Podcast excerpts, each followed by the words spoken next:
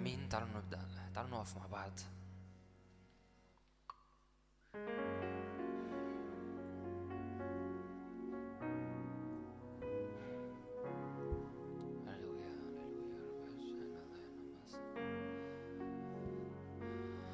نعم يا رب.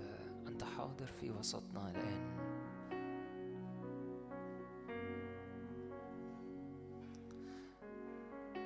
أنت حي وحاضر في وسطنا الآن. يا رب قال سليمان وصلى أن السماء وسماء السماوات لا تزعك فكم بالحري البيت الذي بنيت. نحن هيكلك يا رب. ورضيت أنك تسكن فينا. أنت حاضر فينا. أنت حاضر معنا. أنت في وسطنا. تعالى ارتفع في وسطينا تعالى خد مجدك في وسطينا تعالى ارتاح تعالى اجلس في حياتنا تعالى خد مكانتك يا رب.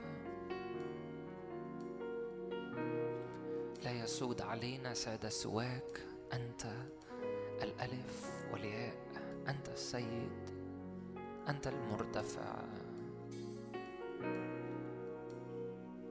كل الحياة ليك يا رب كل الحياة ليك كل الحياة ليك.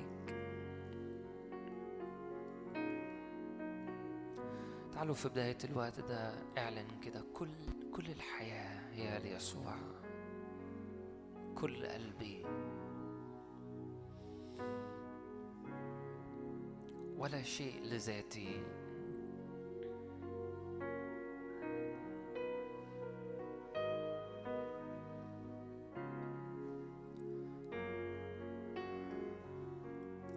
العبادة هي حالة القلب المرفوعة حالة القلب المحطوط ذبيحة في المسيح. قدموا أجسادكم ذبيحة.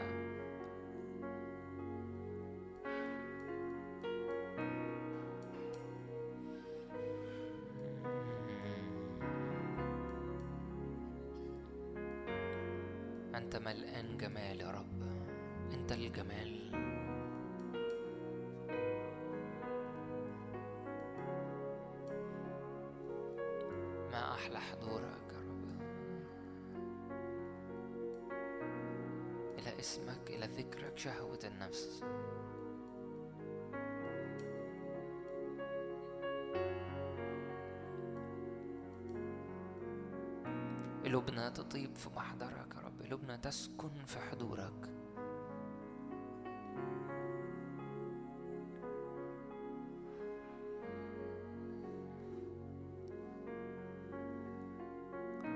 الوقت ده هيأ قلبك هيأ كيانك كله.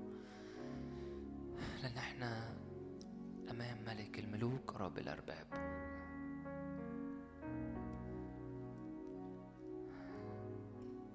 سليمان يقول كده لا تستعجل بالنطق أمام الملك. ادرك إنك قدامه حي هو الرب الذي أنا واقف أمامه. حي هو الرب اللي إحنا واقفين أمامه. يا رب مش مش مجرد شوية ترانيم نقولها إحنا عايزين عينينا تتفتح عليك. عايزين نرى وجهك. عايزين نرى جمالك. عايزين نحبك ونعبدك ونغني ليك. نغني الأغنية تبقى خارجة ليك. الأغنية متجهة إلى قلبك إلى وجهك. متجهة بحب. متجهة بعرفان جميل. متجهة بشكر.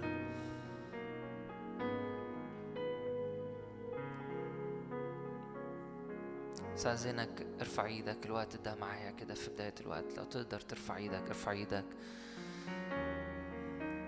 روح الله تعالى الآن احملنا. مكتوب يسوع قال عنك إنك ذاك يمجدني تعالى اعبد فينا. تعالى حل فينا. تعالى ارفع كل ضغط كل تقل على شعبك. تعالى ارفع كل غمامة سودة. ارفع كل سحابة سودة. ارفع كل أمور تقيلة ارفع كل يا رب كل هموم العالم اسم الرب يسوع ارفع كل شوك.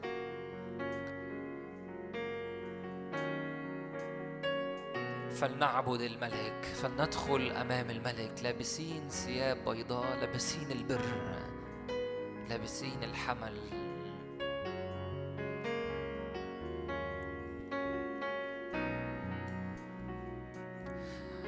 يا رب ونرى وجهك ونرى جمالك ونرى يسوع بوجه مكشوف. نرى وجهك نحن جميعا ناظرين مجد الرب وجه مكشوف لا برقع باسم الرب يسوع. بس الوقت ده وحد قلبك وحد قلبك وحد كيانك إنك تطلبه هو. قول يا رب أنا طالبك بجد. أنا طالبك طالب وجهك ما أحلى وجهك. في نور وجهك حياة. في نور وجهك حياة.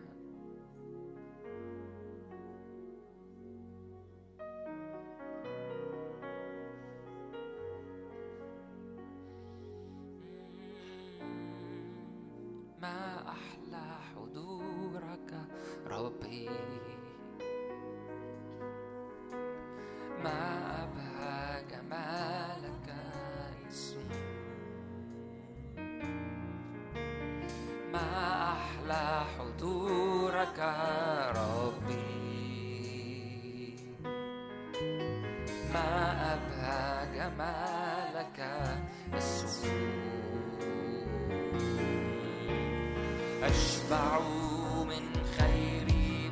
بيتك أرتوي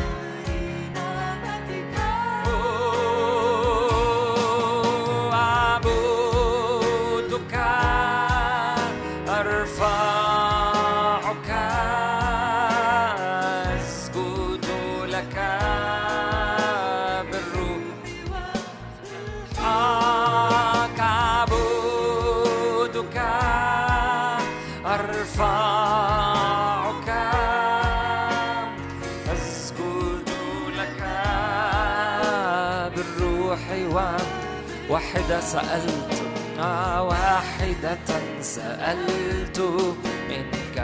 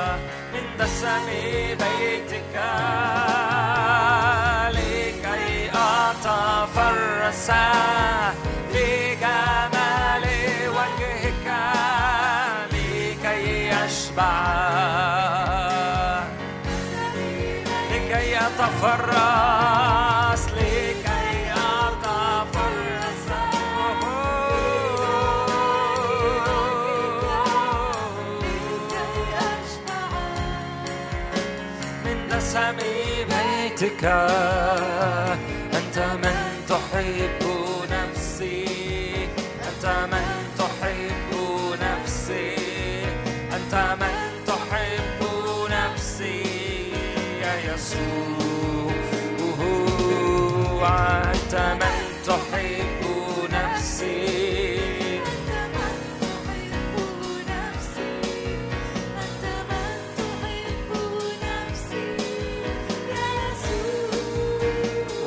سألت واحدة سألت وإياها ألتمس أن أسكن في بيت الرب إلى مدى الأيام.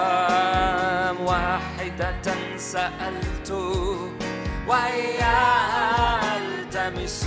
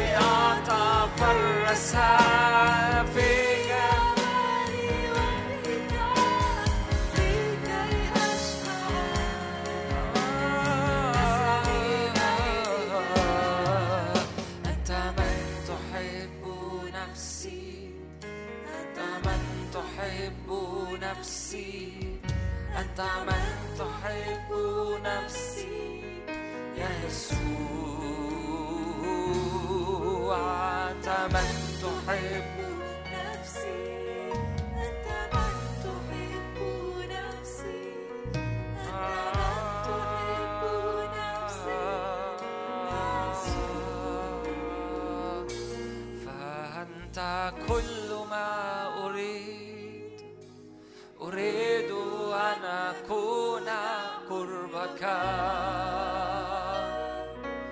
قربك فحياتي معك تحلو لي حياتي بدونك سراب. سراب أنت كل ما أريد. أريد.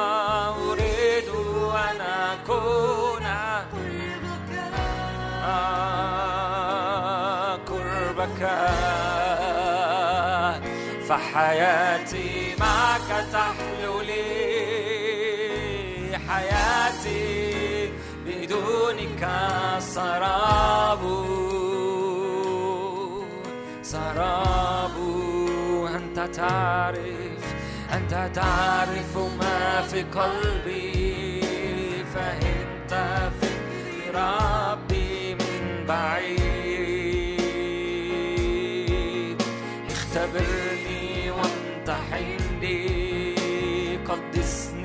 واعطني قلبا جديد. أنت تعرف فهمت فكر ربي من بعيد. اختبرني اختبرني وامتحني قدسني واعطني قلبا جديد.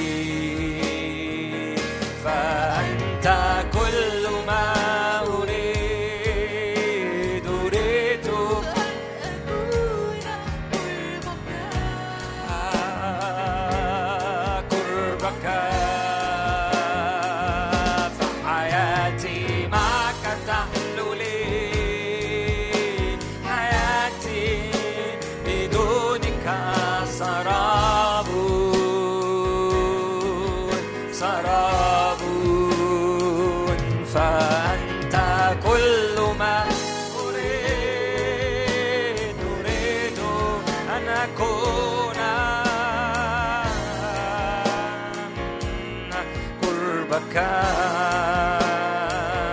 فحياتي معك تحلو لي. حياتي بدونك سراب سراب. فأنا محتاج لك محتاج لك.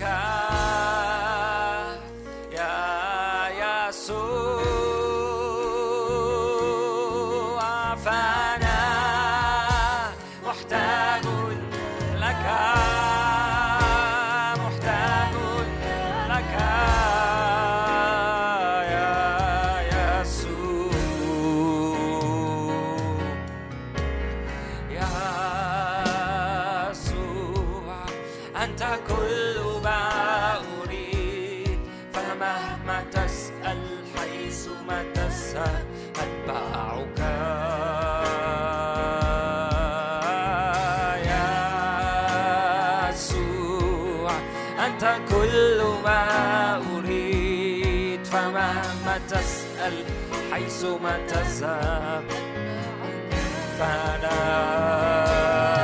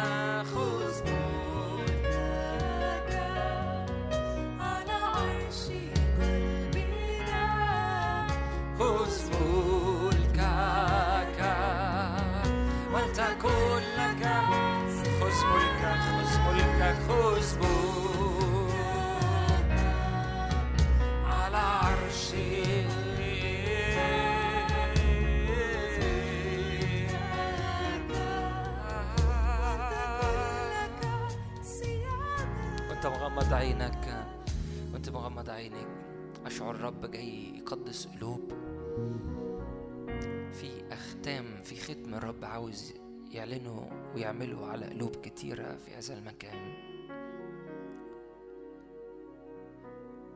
من ينتدب اليوم؟ من ينتدب اليوم للرب؟ عيناي الرب تجولان في هذا المكان. أشعر الرب بي عاوز يقدس أكتر لناس. رب لما أخذ أشعية ووقف في محضره. أشعية تقدس تخصص لرب يا رب أؤمن اليوم. أؤمن اليوم يا رب أؤمن اليوم. كثيرين يتخصصوا للرب فقط باسم الرب يسوع. في عسقيال تسعة الرب قال للملائكة عدي في وسط أورشليم وسمي سمة على جباه الذين يئنون ويتمخضون من أجل كل الرجسات المصنوعة في الأرض. اليوم الرب عاوز يختم قلوب يختمها. وعايز يسمي سمة على على قلبك على عبادة قلبك. يا رب أؤمن إنه مش مش مجرد ترانيم بنقولها لكن أؤمن إنه حقيقة في ختم. بنقول أعبدك يبقى أعبدك بجد بنقول بنحبك نحبك بجد. لما نقول كل الحياة تبقى كل الحياة ليك. فمن ينتدب اليوم للرب؟ لو أنت واقف حط إيدك على قلبك كده حط إيدك على قلبك قول يا رب أنا جاي أنا جاي قدامك زي ما أنا كل حتة فيا كل حتة فيا هي بتاعتك. أنا بسلمك الكل أنا بديك الكل.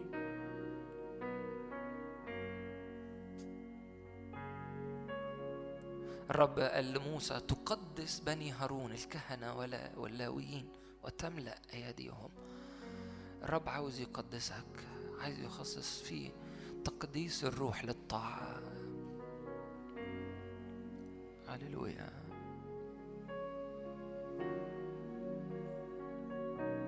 واحدة سألت من الرب وإياها التمس.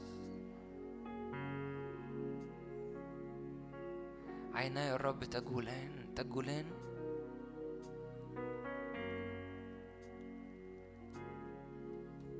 من ينتدب اليوم للرب؟ من ينتدب اليوم للرب؟ من ينتدب اليوم نعم يا رب خد ملكك فينا.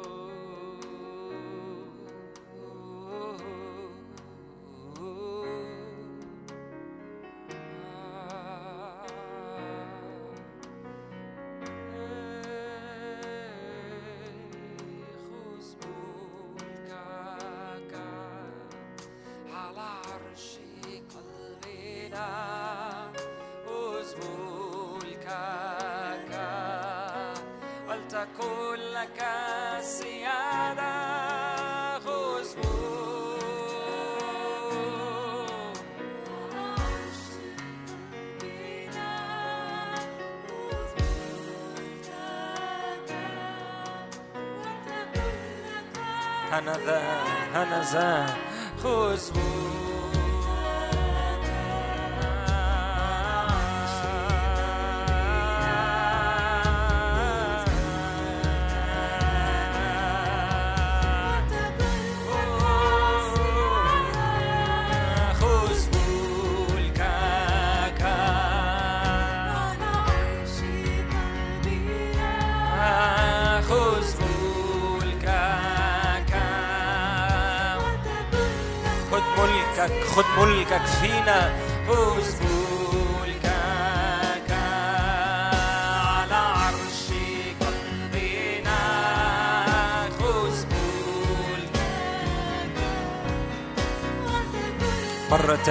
تاني ارفع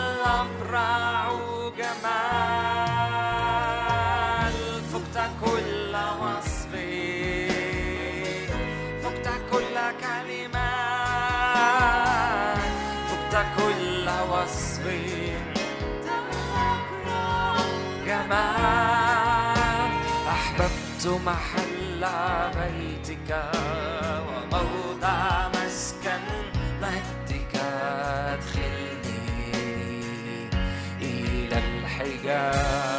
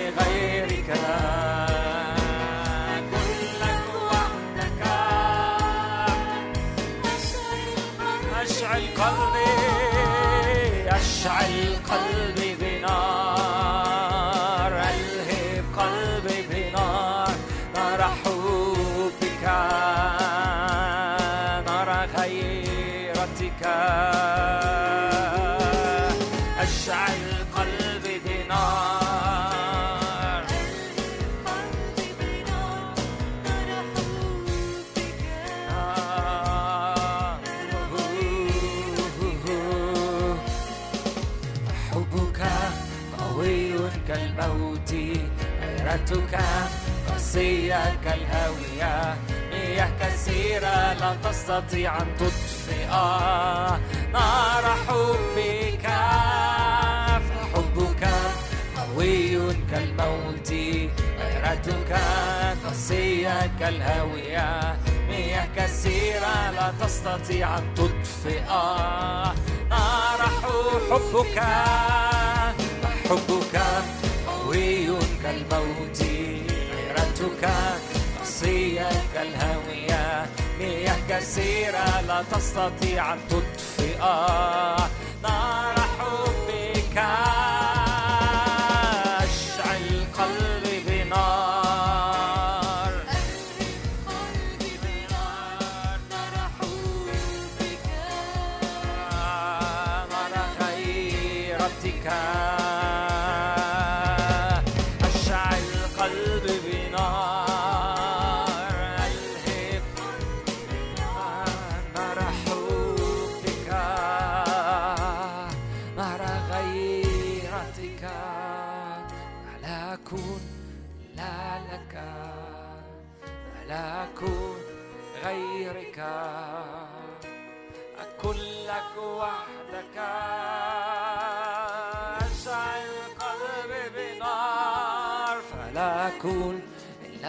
غيرك آه، كلك وحدك.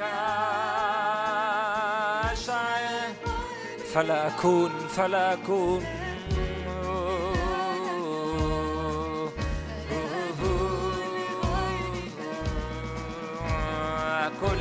وحدك.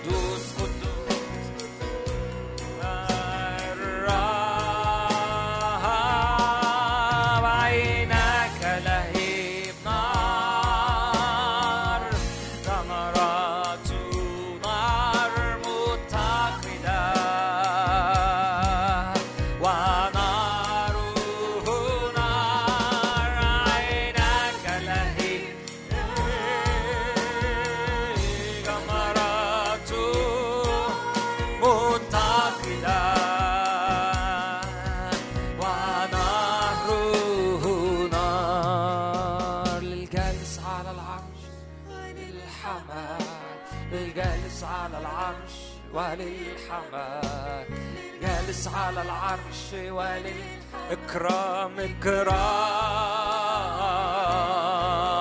إكرام للجالس على العرش وللحمال جالس على العرش وللحمال الجالس على العرش وللحمال سلطان. الجالس على العرش وللحمال الجالس على العرش. للجالس على العرش وللحمل إكرام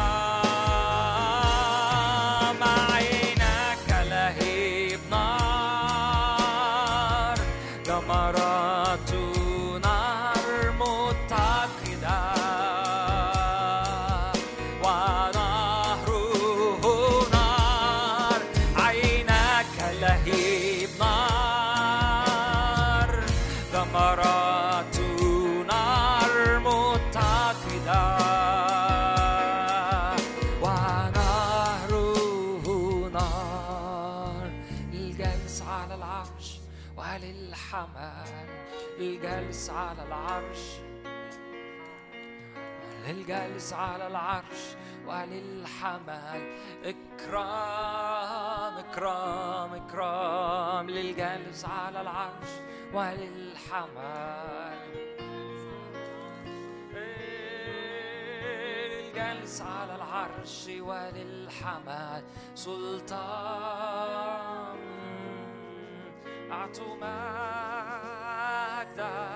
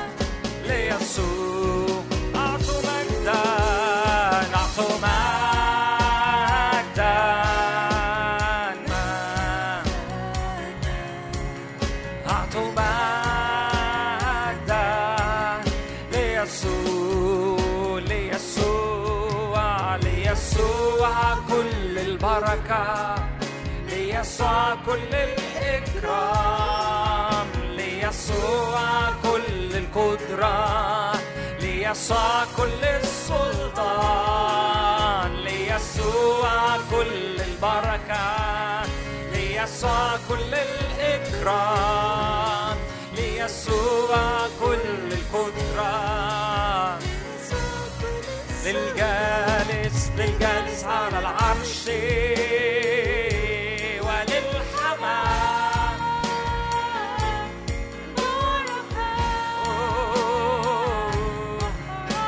مجدا للحمل للجالس على العرش.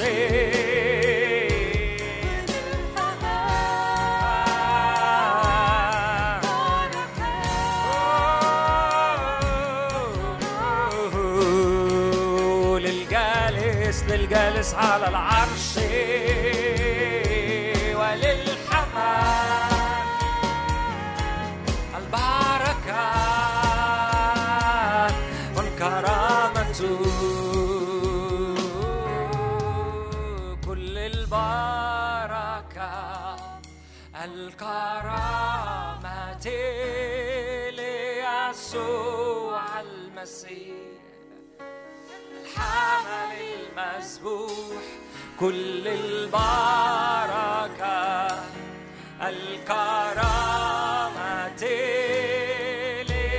ليسوع المسيح. الحامة ارفع إيدك كل البركة كل البركة.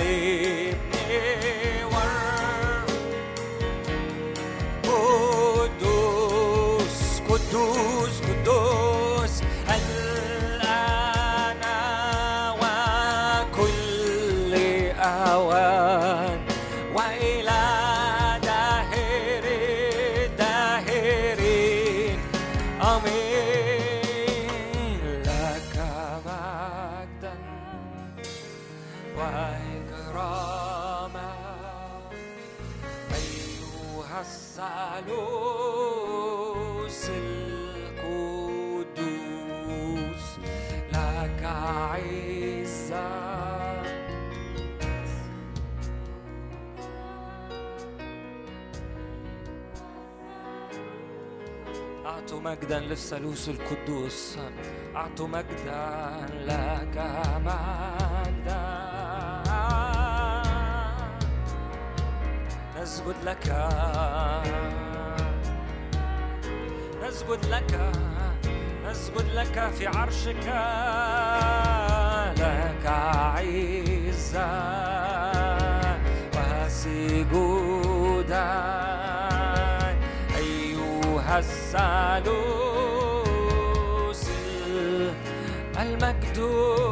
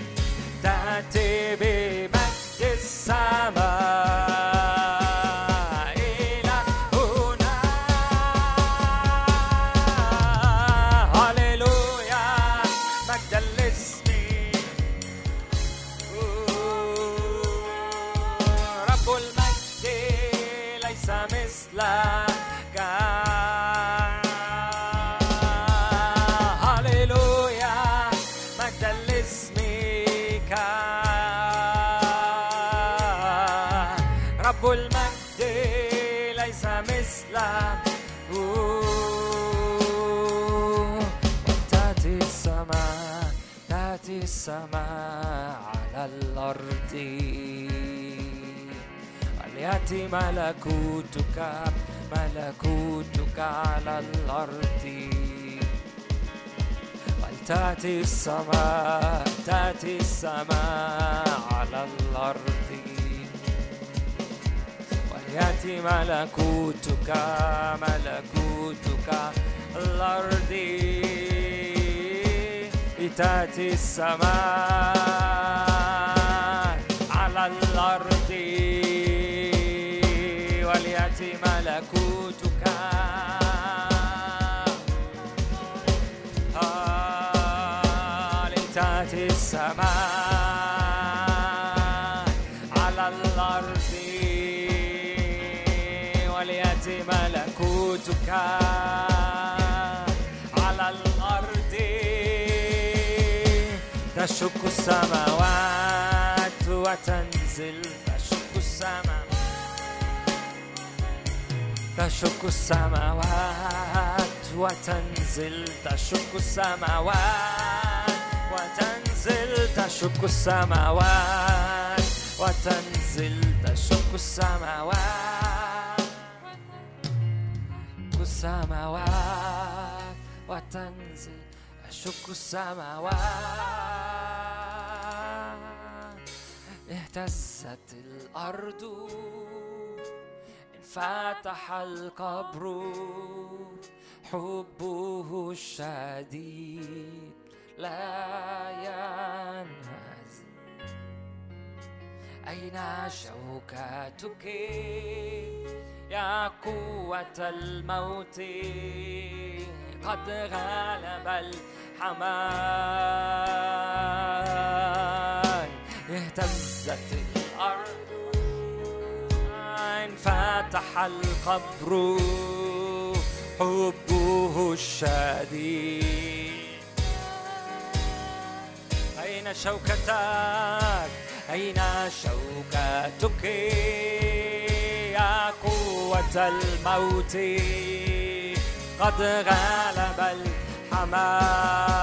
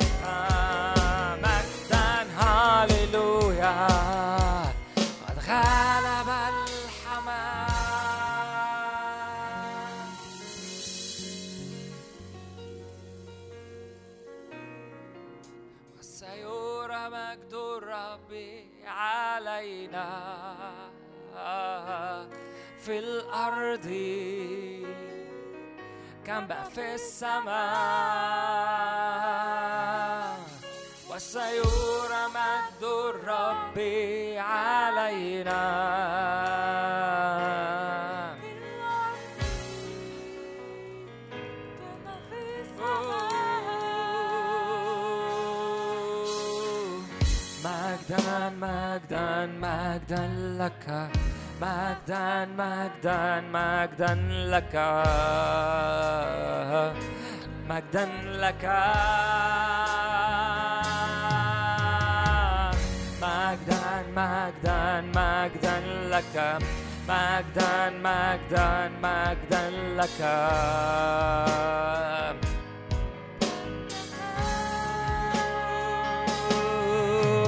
الكل في هيكلك قائل مجدا الكل في هيكلك قائل مجدا الكل في هيكلك قائل مجدا مجدا لاسمك. الكل في هيكلك قائل مجدا الكل في هيكلك قائل مجدا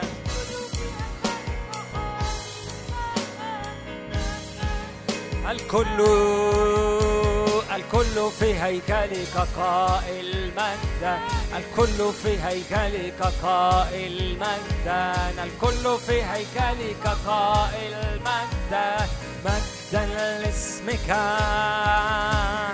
مجدا لاسمك مجدا لاسمك مجدا لاسمك مجدا لاسمك يسوع مجدا لاسمك مجدا لاسمك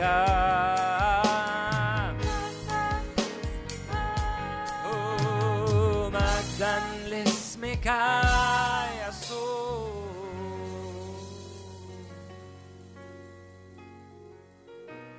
رب أنا بصلي افتح عينينا علشان ندرك الجالس على العرش وندرك العرش. ما يكونش مجرد اجتماع ما يكونش يا رب مجرد فترة عبادة ووعظة لكن يا رب ندرك الجالس على العرش ندرك حضور الرب ندرك المدينة السماوية ندرك جبل الله المرتفع في وسطنا في اسم يسوع. روح الله أنا بصلي اجذب كل العينين اجذب كل القلوب نحو يسوع المسيح في اسم يسوع. فلا نرى أحد إلا يسوع وحده في اسم الرب يسوع. يا رب ما يتعظمش حد ما يتمجدش حد في وسطينا إلا يسوع المسيح وحده ولا رب ضعفات ولا احتياجات ولا أمور ولا ظروف ولا أي أمر في اسم يسوع. نعم أعطي اسما فوق كل اسم لكي تكثو باسم يسوع كل ركبة من في السماء ومن على الأرض ومن تحت الأرض. نعم يا رب نأتي بنجتمع لأجل هدف واحد فقط لتدبير ملء الأزمنة أن يجمع الله كل شيء في المسيح ما في السماء وما على الأرض. يا رب نتحد معا لأجل هذا التدبير لأجل هذا الهدف. أن يا رب كل شيء يجمع في المسيح. قول له رب أنا بجمع كل شيء تحت المسيح خضوعا للمسيح. كل شيء تحت المسيح. كل شيء تحت اسم واحد فقط يسوع المسيح. كل رب أمر أنا جاي بيه كل كل أمر أنا محمل بيه كل احتياجات كل ظروف الكل يخضع لاسم المسيح. ولا شيء يرتفع إلا إلا اسم المسيح فقط. اسم يسوع. روح الله أنا بسأل اختراقه في اسم يسوع. أنا بسأل حركة من حرية حضورك وسطينا في اسم يسوع. أنا بسأل سما مفتوحة. هللويا على حساب عمل الابن الكامل. هللويا أنا بسأل إنه عينينا ترتفع عينينا ترتفع تجذب كل العينين في اسم يسوع تجذب كل العينين تجذب كل العينين في اسم يسوع تجذب كل العينين. يا رب اذهاننا آه، تجتمع في الابن وحده اذهاننا من كل تشتيت من كل آه، دوشة. من كل انزعاج أذهاننا تجتمع في الابن فقط يسوع المسيح وحده فقط في اسم يسوع. يقول كده المزمور هدأت وسكت نفسي.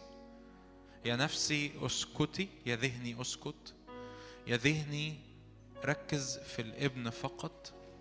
اهتم بالابن فقط. أعبد الابن فقط. يا قلبي أعبد الابن فقط. يا نفسي انظري الابن فقط. باركي يا نفسي الرب. وكل ما في باطني كل حاجة جوايا. بارك الابن فقط بارك يسوع فقط. هللويا. الذي منه وبه وله كل الأشياء.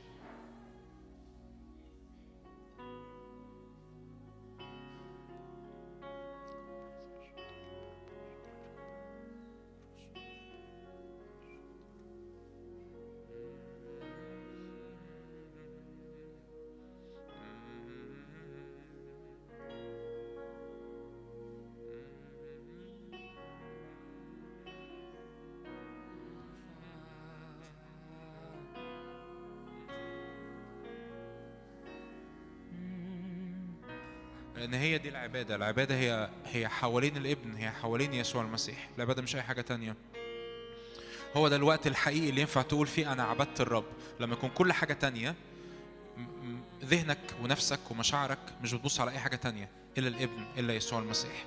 مش مهتم مش باصص على إيده مش باصص على البركة مش باصص على الاحتياج مش باصص على الظروف. أنت باصص على يسوع المسيح فقط. فقط. هي دي العبادة. هي- هي دي هي دي النقطة اللي فيها إحنا بنعبد بكل القلب. يا رب نريد أن نعبدك بكل القلب ولو ولو مش قادر أعبد الرب بكل القلب قول له يا رب اديني النعمة. روح الله احملنا يا رب أن تأتي بينا يا رب أن نعبدك بكل القلب في اسم يسوع. ارفعك فوق الكل. نرفعك فوق الكل. نرفعك عاليا فوق الكل. نرفعك فوق الكل. نرفعك فوق الكل.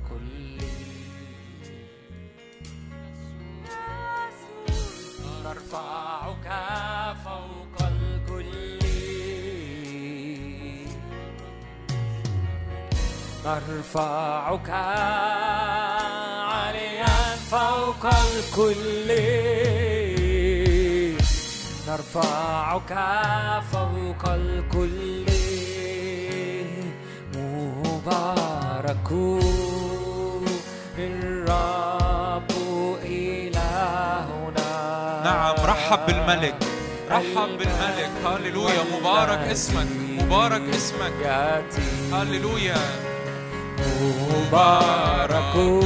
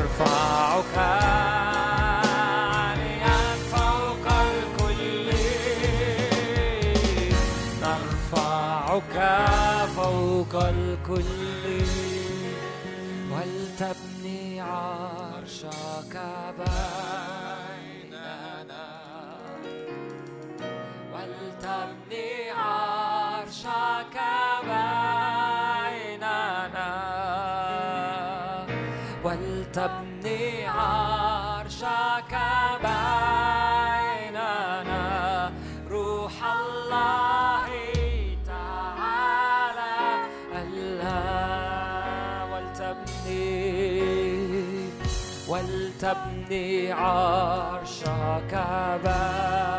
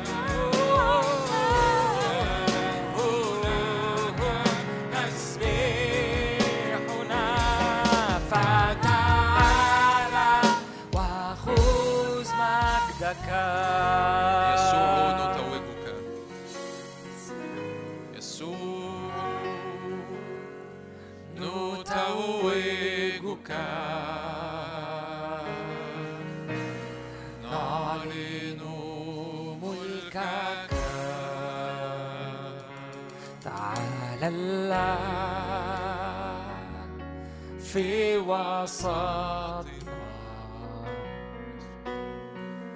ولتعلو وسط صبحنا.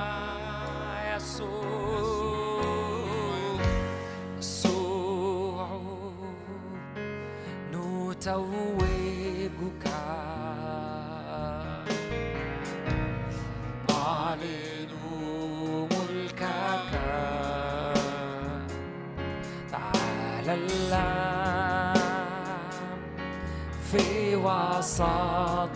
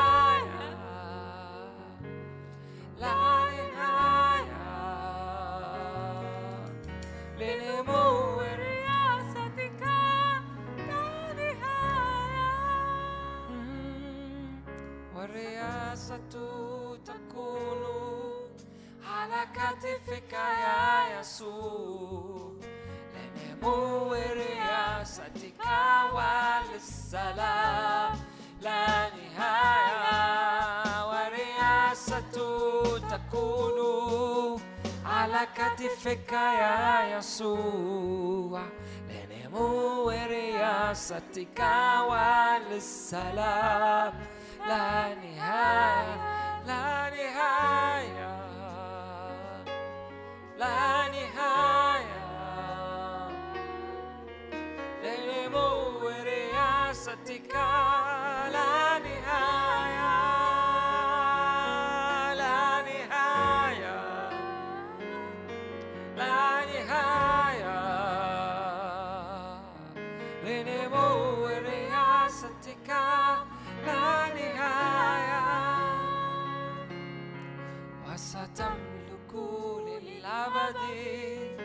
وستملك للأبد على أرضنا. يا يسوع وستملك للأبد وستملك للأبد على أرضنا.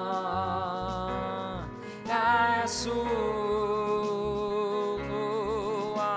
وستملك للأبد وستملك للأبد على أرضنا. يا يسوع.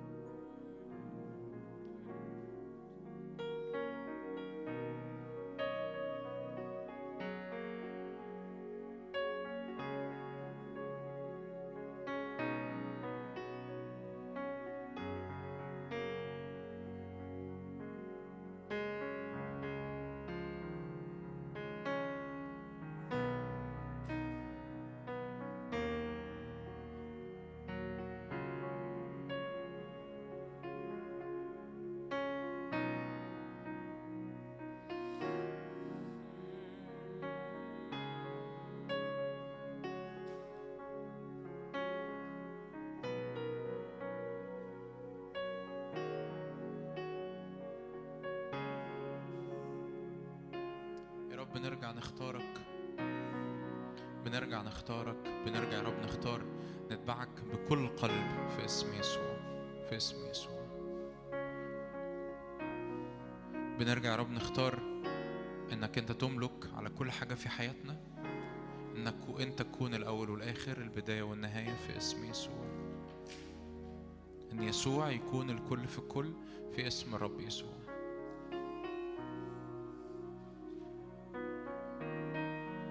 صلي كده معايا اعلن روح الله سيادة على ذهني سيادة على قلبي سيادة على إرادتي في اسم يسوع. يا رب لتكون أنت ليكون يسوع المسيح هو الكل في كل في اسم يسوع. ولا يرتفع أحد إلا يسوع وحده في اسم يسوع. يا رب أنا بصلي لا يرتفع أحد في وسطينا إلا يسوع المسيح وحده في اسم الرب يسوع. لكل مجد يا رب. آمين. آمين. تيجوا نرحب بمايكل. مايكل نرحب مايكل. هو مايكل. مايكل جاي مخصوص النهارده من المنيا. متخيلين جاي من فين؟ من المنيا فنرحب مرة كمان. حد عارف المنيا؟ أنتوا عايشين معانا؟ جاي مخصوص النهارده من المنيا عشان يكون معانا في الاجتماع. شكرا. مساء الخير. مساء الخير مالكم؟ مساء الخير. الحمد لله. موجودين. آمين. تعالوا نفتح بطرس الثانية إصحاح ثلاثة رسالة بطرس الثانية إصحاح ثلاثة ابتدي بقت مشجعة عشان نتشجع كده مع بعض. لو حد عارف بطرس الثانية ثلاثة هيعرف على طول إنه غالبا مش هفتح آيات مشجعة. يعني من الواضح إن أنتم ما قريتوش بطرس الثانية بقالكم فترة طويلة. لا بس آيات مشجعة فعلا. بطرس الثانية إصحاح ثلاثة على حسب أنت جاي منين يعني. يعني جاي من الزراعي هتبقى مشجعة. جاي من الصحراوي أنتوا اول مرة تشوفوني ولا إيه؟ ولا ولا دخلت فجأة مثلا أو حاجة. بطرس الثانية صح ثلاثة عدد عدد ثمانية هللويا يسوع جاي. حد عارف إن يسوع جاي تاني؟ حد عارف إن يسوع جاي تاني؟ الخبر ما وصلكوش؟ شكرا. آمين. تعالى أيها الرب يسوع يسوع جاي تاني. حد عارف؟ حد عارف؟ حد عارف يسوع جاي تاني؟ نسيته؟ بقالكم فترة ما سمعتوش ال يسوع جاي تاني. هللويا! هللويا! هللويا! يسوع جاي تاني. هللويا! شكرا يا إبراهيم إن أنا وأنت متشجعين. هنعمل اجتماع صلاه أنا وأنت. يسوع جاي تاني. يسوع جاي تاني. يسوع جاي تاني. ما ال- اللي إحنا فيه ده مش مش النهاية مش بس مش النهاية مش مش ده اللي تحط قلبك عليه. يقول كده الرسول بطرس لكن لا يخفى عليكم هذا الشيء الواحد أيها الأحباء. فبطرس بيختم الرسالة اللي عمال يحذر فيها عن أنبياء كذبة وتعليم كذبة وحاجات كتير قوي يقول لهم كده اوعوا تنسوا هذا الأمر. لا يخفى عليكم الشيء الواحد هذا الشيء الواحد أيها الأحباء يوما واحدا عند الرب كألف سنة. وألف سنة كإيه؟ كيوم واحد. لا يتباطأ الرب عن وعده ربنا مش مش بيتلكع إنجاز التعبير مش بيتباطأ إنه يجي لا يتباطأ الرب عن وعده كما يحسب قوم التباطؤ لكنه يتأنى علينا بينتظر بينتظر بينتظر ليه يا رب بتنتظر؟ وهو لا يشاء أن يهلك إيه؟ أناس بل أن يقبل الجميع إلى التوبة. ولكن سيأتي كلص في الليل. يوم الرب الذي فيه تزول السماوات بضجيج حتى السماوات حتى الحالة الروحية الحالية. السماوات في الكتاب المقدس ما بيتكلمناش عن ال- السماء اللي هي الغلاف الجوي والنجوم والكواكب والمش عارف إيه مش هي دي السماوات في الكتاب المقدس. السماوات في الكتاب المقدس بيتكلمنا عن الواقع الروحي. حتى الواقع الروحي الحالي هيزول. ال- الواقع الروحي الحالي اللي فيه الشر اللي فيه إبليس اللي فيه أجناد الشر الروحية في السماويات بحسب أفسس الستة حتى ده هيحصل فيه إيه؟ هيزول فيه تزول السماوات بضجيج وتنحل العناصر محترقة. العناصر الترجمة الأدق الأركان الأساسات ال- طريقة تركيبة الحياة ال- ال- ال- الحياة ماشية إزاي وطريقة الحياة ماشية إزاي. الأركان اللي العالم متأسس عليها من الشر من الخطية من الأنا من الكبرياء من الذات من محبة العالم من محبة الذات من من الفلوس من البزنس من الحكومات كل ده الأركان نفسها هيحصل فيه تنحل العناصر إيه؟ محترقة الأركان دي هتتحل هتتحلل وتحترق الأرض والمصنوعات التي إيه؟ فيها هللويا ده خبر رائع. ده خبر رائع. ده خبر رائع لأنه لأنه الحالة الأرضية اللي إحنا فيها هي حالة مليانة شر هي حالة مليانة خطية هي حالة مليانة ضعف هي حالة مليانة نجاسة هي حالة مليانة فساد. وأوعى يكون فيك جزء معتمد على أركان العالم. أوعى. لأن لأن أي حاجة ليها علاقة بأركان العالم هتنحل محترقة. هتنحل إيه؟ محترقة. فيقول كده الرسول بطرس فبما أن هذه كلها تنحل عرفت إن هي تنحل؟ هتقول لي ما كنتش عارف. أديك عرفت. عرفت إنها هتنحل؟ عارف إن يسوع جاي تاني؟ عارف إن يسوع جاي تاني؟ عارف؟ أسأل كل واحد. عارف إن يسوع جاي تاني؟ والأركان تنحل والعناصر محترقة إيه؟ تذوب. ديل اتفقنا؟ اتفقنا؟ يسوع جاي تاني؟ الأركان بتنحل والعناصر محترقة إيه؟ طب شايل الهم ليه؟ شايل هم العناصر ليه؟ عايش في العالم ليه؟ عايش بين البنين ليه؟ لماذا تعرج بين الفرقتين؟ بما أن هذه كلها إيه؟ حاجة منطقية جدا يعني يعني يعني very logic منطقية جدا. فبما أن هذه كلها تنحل أي أناس يجب أن تكونوا أنتم في سيرة مقدسة وإيه؟ وتقوى. بما أن هذه كلها تنحل بما أن أنت عارف كويس قوي وأنا أنا متأكد يعني دي مش معلومة جديدة بالنسبة لك؟ أنا بما ان حضرتك جيت النهارده فغالبا انت بتحب الرب والا ما كنتش هتيجي عايز تعبد الرب عايز تمشي مع الرب عايز تكمل مع الرب. وجزء من ايمان إيماننا المسيحي المشترك بغض النظر عن الطائفه بغض النظر عن الكنيسة بغض النظر عن ال- التعليم إن إحنا عارفين كويس قوي إن يسوع جاي تاني. وبما إن يسوع جاي تاني فيسوع ما ينفعش يجي ويترك الحالة الأرضية زي ما هي. ليه؟ لأن الحالة الأرضية زي ما هي مليانة شر، مليانة فساد، مليانة خطية، مليانة نجاسة، مليانة ابتعاد عن الرب، مليانة أصنام، مليانة أوثان، مليانة آلهة أخرى غير الرب. فيقول لك كده ده لما الرب هيجي هتنحل عناصر محترقة وتحترق الأرض والمصنوعات التي فيها. ال- ال- الحياة كما نعلمها مش هتستمر. الحياة كما نعرفها مش هتستمر الحياة زي ما إحنا متعودين عليها بأركان العالم مش هتستمر فبما أن هذه كلها تنحل بما أن كل ده هيدوب فأي أناس يجب أن تكونوا أنتم في سيرة مقدسة وإيه؟ وتقوى. فبما أن كل ده هينحل عيش كما أن كل ده هيحصل له إيه؟ هينحل. عيش وأنت لا تضع استثمارات في كل حاجة. أنت عارف كويس قوي إن هي إيه؟ هتنحل عيش وانت مش حاطط قلبك على الحياة التي تنحل. عيش الذين يستعملون بحسب تعبير الرسول بولس كورنثوس أولى سبعة الذين يستعملون هذا العالم كأنهم لا إيه؟ لا يستعملونه. ف ف فريلاكس. ده خبر مشجع. ده مش خبر المجيء التاني مش حاجة تخوف. حاجة تخوف لو انت من من نوعية الناس اللي في احتمال إنك تخجل منه في مجيئه. إنك تتكسف لما يسوع يجي.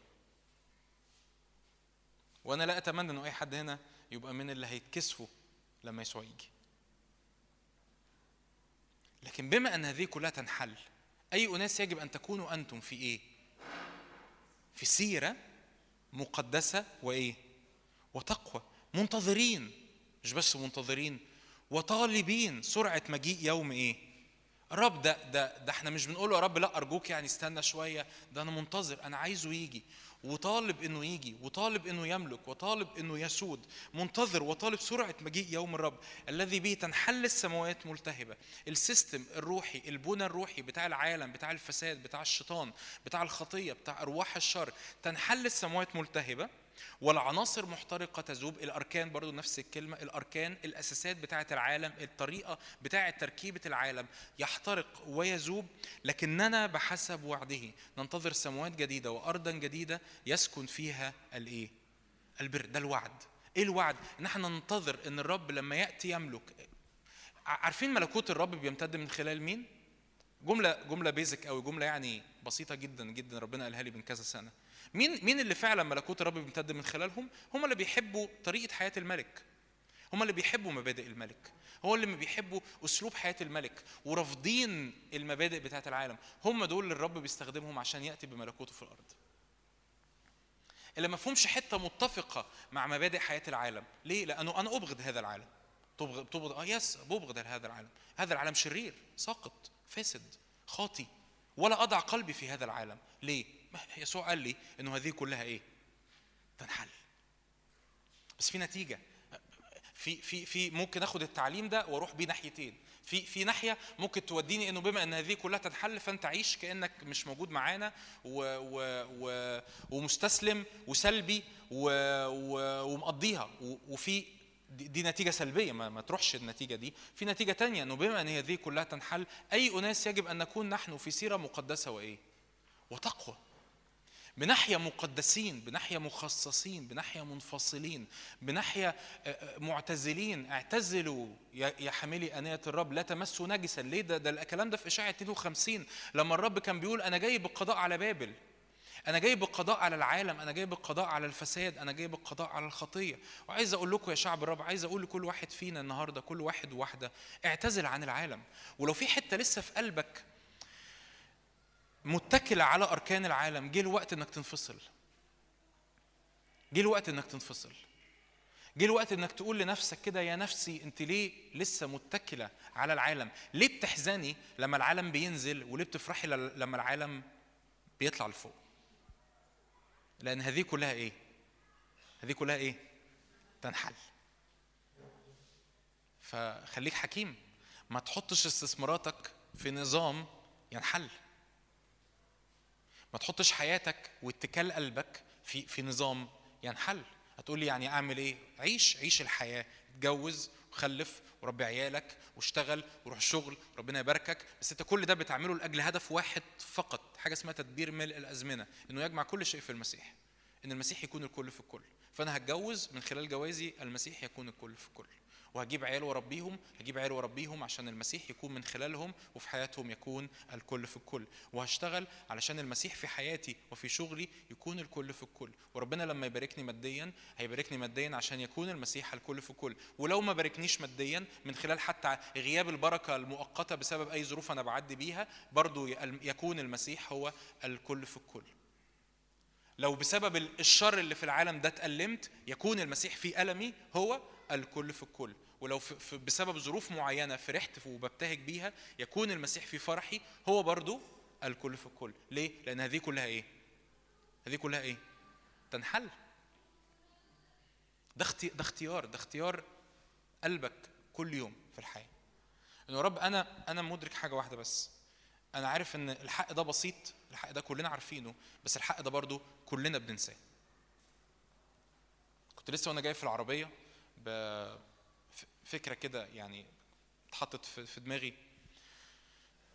عارفين لما حد يقول أوقات بحس بنحس إن الكنايس آه، كان نسيت التعبير بالظبط. آه آه، كأنه المؤمنين عايشين في عالم موازي. حد سمع التعبير ده قبل كده؟ كأن المؤمنين أو الكنائس أو الاجتماعات عايشين في عالم موازي؟ أنا عايز أقول لك يس إحنا عايشين في عالم موازي. هتقول لا لا لا ما بحبش الكلمة دي. ليه ما بتحبش الكلمة دي؟ ما بتحبش الكلمة دي ليه؟ الكتاب قال إن إبراهيم لما كان في ال في ال في, ال في بيتبع الرب في كنعان كان عايش في عالم موازي ما كانش عايش في كنعان. كان بينظر المدينة. أيوه أنا عايش في عالم موازي ولا أخجل إني أقول لك أنا عايش في عالم موازي. أيوه أنا عايش في عالم موازي أنا مش عايش هنا. سيرتنا نحن هي فين؟ اصل أصل في في كلمات كده برضو ترددت اترددت من على منابر وكانها أنا فاهم المعنى بتاع إن إحنا يعني كأننا مش عايشين في الدنيا. لا إحنا عايشين في الدنيا. بس أنا عايش في الدنيا بس أنا مش من هنا. أنا مش من الدنيا. أنا من أورشليم السماوية. هو ده ده الوعد ده المدينة التي من بعيد نظروها وصدقوها وحيوها وأقروا أنهم إيه؟ عايشين في عالم موازي. أقروا أنهم إيه؟ غرباء ونزلاء. هم دول. يقول كده الكتاب في عبرانيين 11 هؤلاء هم دول الذين لا يستحي الله أن يدعى الههم هم دول اللي ربنا ما بيتكسفش منهم. هم دول. اللي مدركين إن أنا مش من هنا. المدركين إن أنا مش عايش لهنا. أنا أنا جذوري مش هنا. أنا موجود هنا بس أنا جذوري مش هنا. ومش عايش لهنا. ومش بفكر لأجل هنا. لما ببني زي إنجاز التعبير واحد يبقى أيام زمان طبعا يعني دلوقتي يمكن الوضع اتغير شوية بس أيام زمان كان اللي يسافر الكويت ولا اللي يسافر السعودية ولا يسافر أمريكا يكسب فلوس يكسب فلوس يكسب فلوس وبالذات لو لو حد عايش في الصعيد مثلا يبعت الفلوس لأهله يشتري أرض في البلد. صح ولا لأ؟ ما يشتريش ابدا يعني شقة في الكويت ولا ولا عمارة في السعودية. كان زمان يعني ما يمكن برضه دلوقتي ده موجود. هو هو هو هو موجود في الكويت وبيشتغل ممكن يكون بقاله 20 30 سنة بس كل فلوس بيرجعها بلده. اشتري حتة الأرض اللي جنبينا اشتري ال- ال- البيت اللي جنبينا اشتري مش عارف إيه اللي فين. ده سمعنا إن هم فتحوا حتة كردون مباني طب اشتري هناك. هو كل استثماراته فين؟ في الوطن. أنت وطنك فين؟ بما إن هذه كلها إيه؟ تنحل اوعى تستثمر هنا. اوعى. وهيتم اتهامك. يعني ممكن يتم اتهامك من أقرب الناس ليك ومن أقرب الناس ليكي. انت انت انت مش عايش معايا أيوه مين قال أيوه مين قال لك أنا عايش معاكم؟ مش عايش معاكم. أنا مرسل. يعني أنا أنا جاي أنا جاي مؤقت. وأنت على فكرة جاي يعني حتى اللي بيقول لك كده حتى اللي بيتهمك إنك مش عايش معاهم هم برضه ما هو المفروض برضه المفروض جاي مؤقت ومحدش قاعد. إحنا مؤقتين جدا جدا بس نفتكر دايما إنه ليه ليه ليه اتشغلت بالبداية دي؟ لأنه في وسط الظروف والتحديات والاقتصاد والدولار ومش عارف إيه وكل الأخبار اللي إحنا بنسمعها، أنت لازم تفتكر دايما إن إنه إنه بغض النظر يعني أنت عايش فين؟ عايش في. أنا حاطط استثماراتي في بنوك سويسرا. ما أنا عارف يعني إنه غالبا ما أعتقدش إن حد فينا حاطط فلوس في بنوك سويسرا بس ولنفترض يعني إن ربنا باركك وحطيت استثمارات في بنوك سويسرا أحب أطمنك إنه هذه كلها إيه؟ تنحل؟ يعني يعني أنا مش متشائم على فكرة. يعني اللي يعرفني أنا مش متشائم يعني مش يعني أنا مش شخصية سلبية أو متشائم أو كئيب خالص يعني بس بس دي الحقيقة. ده خبر مفرح. إن السيستم الشرير لن يستمر. ده خبر مفرح. عارف عارفين إمتى ما بنشوفش إن هو خبر مفرح؟ لو أنا ما شفتوش على حقيقته. يعني إمتى إمتى بالنسبة لي إن إن إن انحلال العالم ما يكونش بالنسبة لي خبر مفرح لو أنا لسه ما شفتش العالم على حقيقته؟ لسه شايفه حلو لذيذ. يعني لذيذ. هو مش لذيذ. هو شرير إلى أقصى درجة هو قبيح إلى أقصى درجة. فعلا. كم القبح والفساد والشر اللي في العالم والخطية غير عادي. يمكن يكون ربنا رحم أغلبنا إنه ما شافش كم الشر اللي في العالم بس كم الشر اللي في العالم حقيقي وفي بلدنا وموجود في بلدنا وموجود في حتت ممكن يكون ال- الحي اللي انت اللي وراك العمارة اللي جنبك المش... واحد جارك وكم الفساد والشر والخطية والإبليس بيعمله في حياة الناس من من من تدمير مش طبيعي. مهما قعدت أحكي عن حاجات ربنا عمال يباركني إنه يفتح عينيا ليها الوقت اللي فات مش طبيعي. مش بقول كده عشان اللي حصل لكن ده ده إدراك لازم نصدقه. إن العالم شرير العالم قد وضع في الشرير وأنا مش هتفق معاه. مش هتفق على نظام الحياة. وكلنا بلا استثناء فينا الاتفاقات دي مع العالم يعني لأن إحنا اتولدنا فيه. ففي حتت فينا بتحبه بت بت بتستلذ بيه بشكل ما بتتفق معاه في أسلوب حياتنا في طريقة إدارتنا لحياتنا طريقة إدارتنا لوقتنا طريقة إدارتنا لفلوسنا كلنا بلا استثناء. وب- وبنعيش كل ما بنقرب من الرب أكتر كل ما بنكتشف القبح اللي في العالم وفينا أكتر وبنقول يا رب الحتة دي فيا ممكن تكون في نظرتك للناس ممكن تكون في اهتمامك بالناس اللي حواليك ممكن تكون في تقييمك للناس ممكن يكون في تقييمك لأهمية الفلوس لأهمية شكلك لأهمية نفسك للذات أي أي حاجة كل دي حاجات فينا كلنا. بس كتير منها بيبقى مربوط بطريقة حياة العالم. كل ما بنقرب من الرب أكتر كل ما بنكتشف إنه فينا حتت قبيحة وفي العالم في قبح وبنقول يا رب تعالى أحكم على الحتت اللي فينا لأنه أنا مش عايز القبح ده يستمر فيا لأن أنا عايز ملكوتك. وملكوت الرب بيطلق من خلال ناس بيختاروا إن هم يعيشوا مبادئ الملك طريقة حياة الملك. الملك بيعيش إزاي وبيفكر إزاي وبيهتم بإيه و... ويا ريت الموبايلات تتعمل سايلنت ولا يهمك. فمهم جدا جدا إن أحنا نفتكر الحق ده. إنه في ناس الكتاب بيقول كده في ناس دول منتظرين منتظرين وطالبين عدد 12 منتظرين وطالبين. طالبين إيه؟ سرعة مجيء يوم الرب. تعالى يا رب. تعالى إيه حل الألم اللي البشرية فيه؟ إن رب يجي. رب يجي بملكوته. آه بس الرب الرب في وقت الرب هيجي هي بمعنى إنه هيجي. يعني خلاص. مفيش بقى شر مفيش خطية مفيش إبليس مفيش مفيش حاجة كتير قوي مفيش مرض مفيش. وأنت بتطلبش ده بحالة سلبية أو بحالة منسحبة لكن بحالة فيها أنت مدرك مجد الرب اللي الرب عايز عايز يطلقه وعايز الرب عايز يفتدي البشرية وعايز يفتدي الخليقة ببساطة. آمين؟ آمين؟ ما ما تعبدش الرب ابدا وفي قلبك في آلهة أخرى. أرجوك ارجوك مش مصلحتك. لو لسه في آلهة أخرى في قلبك قرر كده إنه إنه يا رب أنا زي ما حزقية كده يقول سحق سحق الحية النحاسية. اسحق الحية النحاسية. ما تستمرش بآلهة أخرى. أيا كان شكل الآلهة الأخرى دي إيه. صدقني كل سبب ألم في حياتك هو وجود آلهة أخرى. صدقني. منتهى الأمانة. منتهى الأمانة. لو شفت لو شفت الدنيا بعينين مختلفة هتكتشف إنه ما في. اللي أنا كنت فاكر إنه يزعل ما بقاش يزعل. لأنه هذه كلها إيه؟ هذه كلها إيه؟ تنحل فأنا زعلان على إيه؟ مفيش مفيش حاجة مفيش حاجة تؤلم أصلا. هذه كلها تنحل. وأنا أنتظر سماوات جديدة وارضا جديدة. هتقولي ده في أحباء انتقلوا. لو هم مؤمنين هم موجودين مستنيينك في السماء في السماوات الجديدة والأرض الجديدة. وهذه كلها إيه؟ تنحل. تقولي ده في ألم شديد بعدي بيه هذه كلها تنحل. ده في خسارة مادية ضخمة. هذه كلها تنحل. مفيش أي سبب إنه يخليني فعلا. هتقولي أنت اوفر شوية النهارده. أقول لك يعني يمكن ما أعرفش. بس يا رب يفتح عينينا. يعني يعني يا رب افتح عينينا إنه فعلا مفيش حاجة تستاهل. مفيش حاجة تستاهل إن إحنا نعيش لها ونحط استثمارات حياتنا فيها إلا إلا لعرفه وقود قيامته وشركة آلامه متشبهين بموته.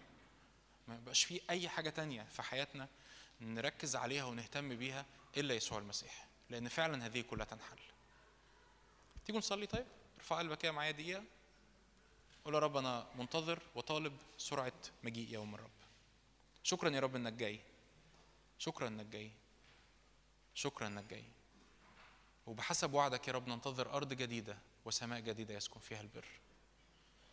يا رب لو في أصنام لو في قلبي أصنام لو في حاجات معينة أنت عارفها يمكن محبة مال يمكن شهوة يمكن خطية يمكن علاقة يمكن سلوك مش مظبوط يمكن مبدأ من مبادئ حياة العالم قول يا رب أنا أنا بختار إن الأصنام يمكن أنا الذات أع- أعلى صنم أكبر صنم أكبر صنم الأنا وراحتي ونفسي وشكلي. يا رب تعالى يا رب أحكم على الأصنام اللي في قلبي. أحكم على الأصنام اللي في قلبي. وبختار يا رب أن لا أعرج بين الفرقتين لأن هذه كلها تنحل. وبما أن هذه كلها تنحل أي أناس يجب أن تكونوا أنتم في سيرة مقدسة وتقوى. يا رب أنا بطلب نعمة مع إخواتي مش لأني أفضل من أي حد بقول الكلام ده لكن بطلب نعمة مع إخواتي. إني أقول لك يا رب أنا عايز أعيش منتظر حاجة واحدة بس سماء جديدة وأرض جديدة يسكن فيها البر. وكل استثمارات بحطها في الحياة هي يا رب تجاه السماء الجديدة والأرض الجديدة. هي اتجاه يسوع المسيح. هللويا. باسم يسوع. آمين. يمكن آخد ده مدخل لل... لل... للوعظة أو للتعليم اللي أنا مشغول أقدمه النهارده. يقول كده الرسول بولس كذا مرة تعبيرات مختلفة للكنايس اللي اللي بيكتب لهم رسائل ويكلم المؤمنين فيها. يقول لهم أنتوا فرحي وأنتوا إكليلي. أنتوا فرحي وأنتوا إيه؟ إكليلي. ويقول برضو تعبيرات لكنايس تانية يحس إن الكنايس دي إيه؟ رجل جوه ورجل بره يقول لهم كده يعني أنا خايف لأكون سعيت باطلا. أنا خايف أكون تعبت وتعبت في الآخر على الفاضي. إيه ليه لا إيه العلاقة؟ كنت لسه بحكي أنا ومايكل النهارده. إنه إنه أعظم فرح في المسيح هو إن يكون ليك تلاميذ. في وجهة نظري. يعني يوحنا الرسول بيقول كده ليس لي فرح أعظم من هذا. أن أسمع أن أولادي يسلكون بحسب الحق. كنت لسه بتكلم مع مايكل بقول يوحنا ده يوحنا الرسول اللي عمل المعجزات اللي عمل آيات وعجائب اللي كتب سفر الرؤيا يوحنا اللي شاف الرب يسوع في الجسد. قال أعظم فرح ليا إيه؟ إني إني أسمع إن ولادي بيسلكون بحسب الإيه؟ الحق. وبولس الرسول برضو يستخدم نفس التعبير في ال في ال في الآيات للرسائل في الكتابات للرسائل. يقول على فكرة لما يجي الرب يسوع المسيح تاني الحاجة الوحيدة إنجاز التعبير ال- اللي ينفع توضع إكليل على راسي هم اولادي في الروح. فاهمين الصورة؟ يعني إنجاز التعبير إنجاز التعبير. لو ليا الحق إني أقول للرب يسوع أنا عملت حاجة فمين فمين العمل أو إيه هو العمل اللي هكون بشاور عليه؟ هم الناس اللي اللي الملكوت اتبنى في حياتهم من خلالي.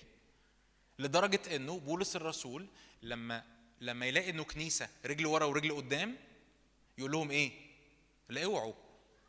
ما أنتوا ما أنتوا الحاجة الوحيدة اللي أنا هفرح بيها. يعني ف يعني ف فمين أقصد إيه؟ كان واحد كان واحد محوش فلوسه كان واحدة محوشة فلوسها في الذهب مثلا. فهي خايفة إن الذهب ده يطلع فالصو. لأن دي إيه؟ دي التحويشة. فأنا خايف الذهب فبولس تحويشته فين؟ في نفوس. يعني دي دي التحويشة. إيه التحويشة بتاعتنا في الملكوت؟ العمل الصالح. اللي هو إيه يعني؟ ما أنا عارفين ال- اللي هو إيه بقى العمل الصالح ده؟ ها؟ النفوس. الناس البني آدمين. ايا كان نوعية التحويشة دي إيه؟ سواء كان خلاص نفوس سواء كان تلمذة سواء كان محبة سواء كان غسيل للرجلين سواء كان تعليم. ايا كان. إنه في ناس اتولدوا في الملكوت. دي التحويشة بتاعتك إنه في ناس ما كانوش يعرفوا الرب عرفوا الرب إنه في ناس كانوا يعرفوا الرب بس كبروا مع الرب إنه في ناس بعد ما عرفوا الرب اطلقوا في الخدمة هي دي التحويشة بتاعتك ما عندناش يعني ما عندناش حاجة تانية إنجاز التعبير يعني لو هقولها نفتخر بيها قدام الرب لأنه بولس قال أنتم إيه؟ فرحي وإيه؟ أنتوا عارفين الآيات ولا مصدقيني طيب؟ مصدقيني؟ قالها كذا مرة قالها في فيليبي قالها في كلوسي قالها كذا مرة أنتم فرحي وإيه؟ واكليلي. أنا لما بقف قدام الرب وأقول يا رب يا أنت لما تيجي وبتاع ومين مين يا رب الاكليل اللي أنا هبقى لابسه قدامك؟ إنجاز التعبير ال- أسماء الناس يعني أنا بتخيل طبعا مش اللي أنا بقوله ده مش تعليم بتأمل أو بتخيل. فإنجاز التعبير الاكليل اللي أنا لابسه هيبقى بحجم الناس اللي أنا زرعت في حياتهم. أمين؟ إحنا ما عندناش حاجة تانية ما فيش حاجة تانية هنقف بيها قدام الرب في يوم من الأيام. يعني يعني ما فيش حاجة تانية هنقف بيها قدام الرب في يوم من الأيام ونقول له بص يا رب أنا أنا دفعت عشور قد إيه؟ ما حتى العشور دي لو مش رايحة لبركة ناس فما ربنا مش محتاج فلوسنا يعني. ربنا اكل لا اكل ذبائحك ولا أشرب سكائبك. ربنا ولا بيأكل ولا بيشرب ولا بياخد فلوس أكيد. معايا ولا؟ يلا مش مهم. أنا هكمل كده كده واعوضي على ربنا؟ أنا بقالي بقالي دي ثالث مرة تقريبا آجي من ساعة ما شعرت إنه رب يعني مجيتي هنا اسكندرية هيبقى ليها اتجاه معين. أتمنى إن إحنا نكون فاكرين أو مش فاكرين أنا هفكركم. لأنه شاعر إن الرب عايز يطلع من كل واحد فينا خادم وخادمة. وأنا جاي عشان كده. وهاجي برضو المرات الجاية عشان كده لحد ما الرب يغير الاتجاه جوايا. أنا إيماني إن ربنا عايز يطلع من كل واحد فينا خادم وخادمة. رب اتكلمت مرة عن الهوية وإزاي إزاي إنك محتاج تبتدي تشوف نفسك مش بحسب الط- الطبيعي ومش بحسب أنت شايف نفسك إزاي لكن بحسب الرب شايفك إزاي. اتكلمت المرة اللي فاتت عن جدعون لو حد فاكر وإزاي جدعون ابتدى يتحرك في الهوية بتاعته. النهارده كأنه جوايا كده كأن جواكوا سؤال وعايز أجاوب على السؤال. طب أتحرك أعمل إيه بالظبط؟ فأنا هتحرك في أربع وظائف الأربع وظائف دول أربع وظائف روحيين. ربنا ربنا بيديهم لكل حد هنا. آمين؟ يعني كانه كأنه في سؤال السؤال ده ده اللي عايز أجاوبه. طب أنا عايز أتحرك أنا عايز أخدم الرب. أنا مصدق يا جون خلاص أنا أنا صدقت يعني أتمنى يعني. أنا صدقت خلاص إن ربنا عايزني أخدمه. أنا صدقت خلاص إن أنا مش ناوي أبص لنفسي زي ما أنا اتعودت أبص لنفسي. وأنا خلاص أنا ناوي أهو أخدم. أنا ناوي أهو يبقى يبقى عندي أكاليل وعندي نفوس وعندي نفوس أباركها وأزرع في حياة الناس. أعمل إيه بالظبط؟ أنا عايز أكلمك عن أربع وظائف. الأربع وظائف دول لمين؟ لكل واحد. يعني كل واحد هيشتغل في الأربعة مش هيشتغل في واحدة. تخيل يعني أنت ممكن تكون بتدور على شغلانة ربنا جايب لك النهارده كام واحدة؟ أربع شغلانات. هتكلم عن أربع وظائف روحيين ربنا ينفع مش ينفع ربنا عايز ربنا بيدعو كل واحد وواحدة فينا إن هم يقفوا في هذه الوظيفة. فالأربعة دول مش معناها إن في أربعة واحد يعني حبة كده وحبة كده لا كل واحد ليه كام؟ أربعة. ف في اسم يسوع نقف في الأربعة في اسم يسوع نصدق الأربعة في اسم يسوع نقتنع إن الرب دعينا إن إحنا نخدم في الأربعة. فأدخل على طول كده إيه أول وظيفة؟ عشان ندخل على طول عشان أوريدي أنا طولت إيه أول وظيفة؟ هي وظيفة الكاهن. وظيفة الإيه؟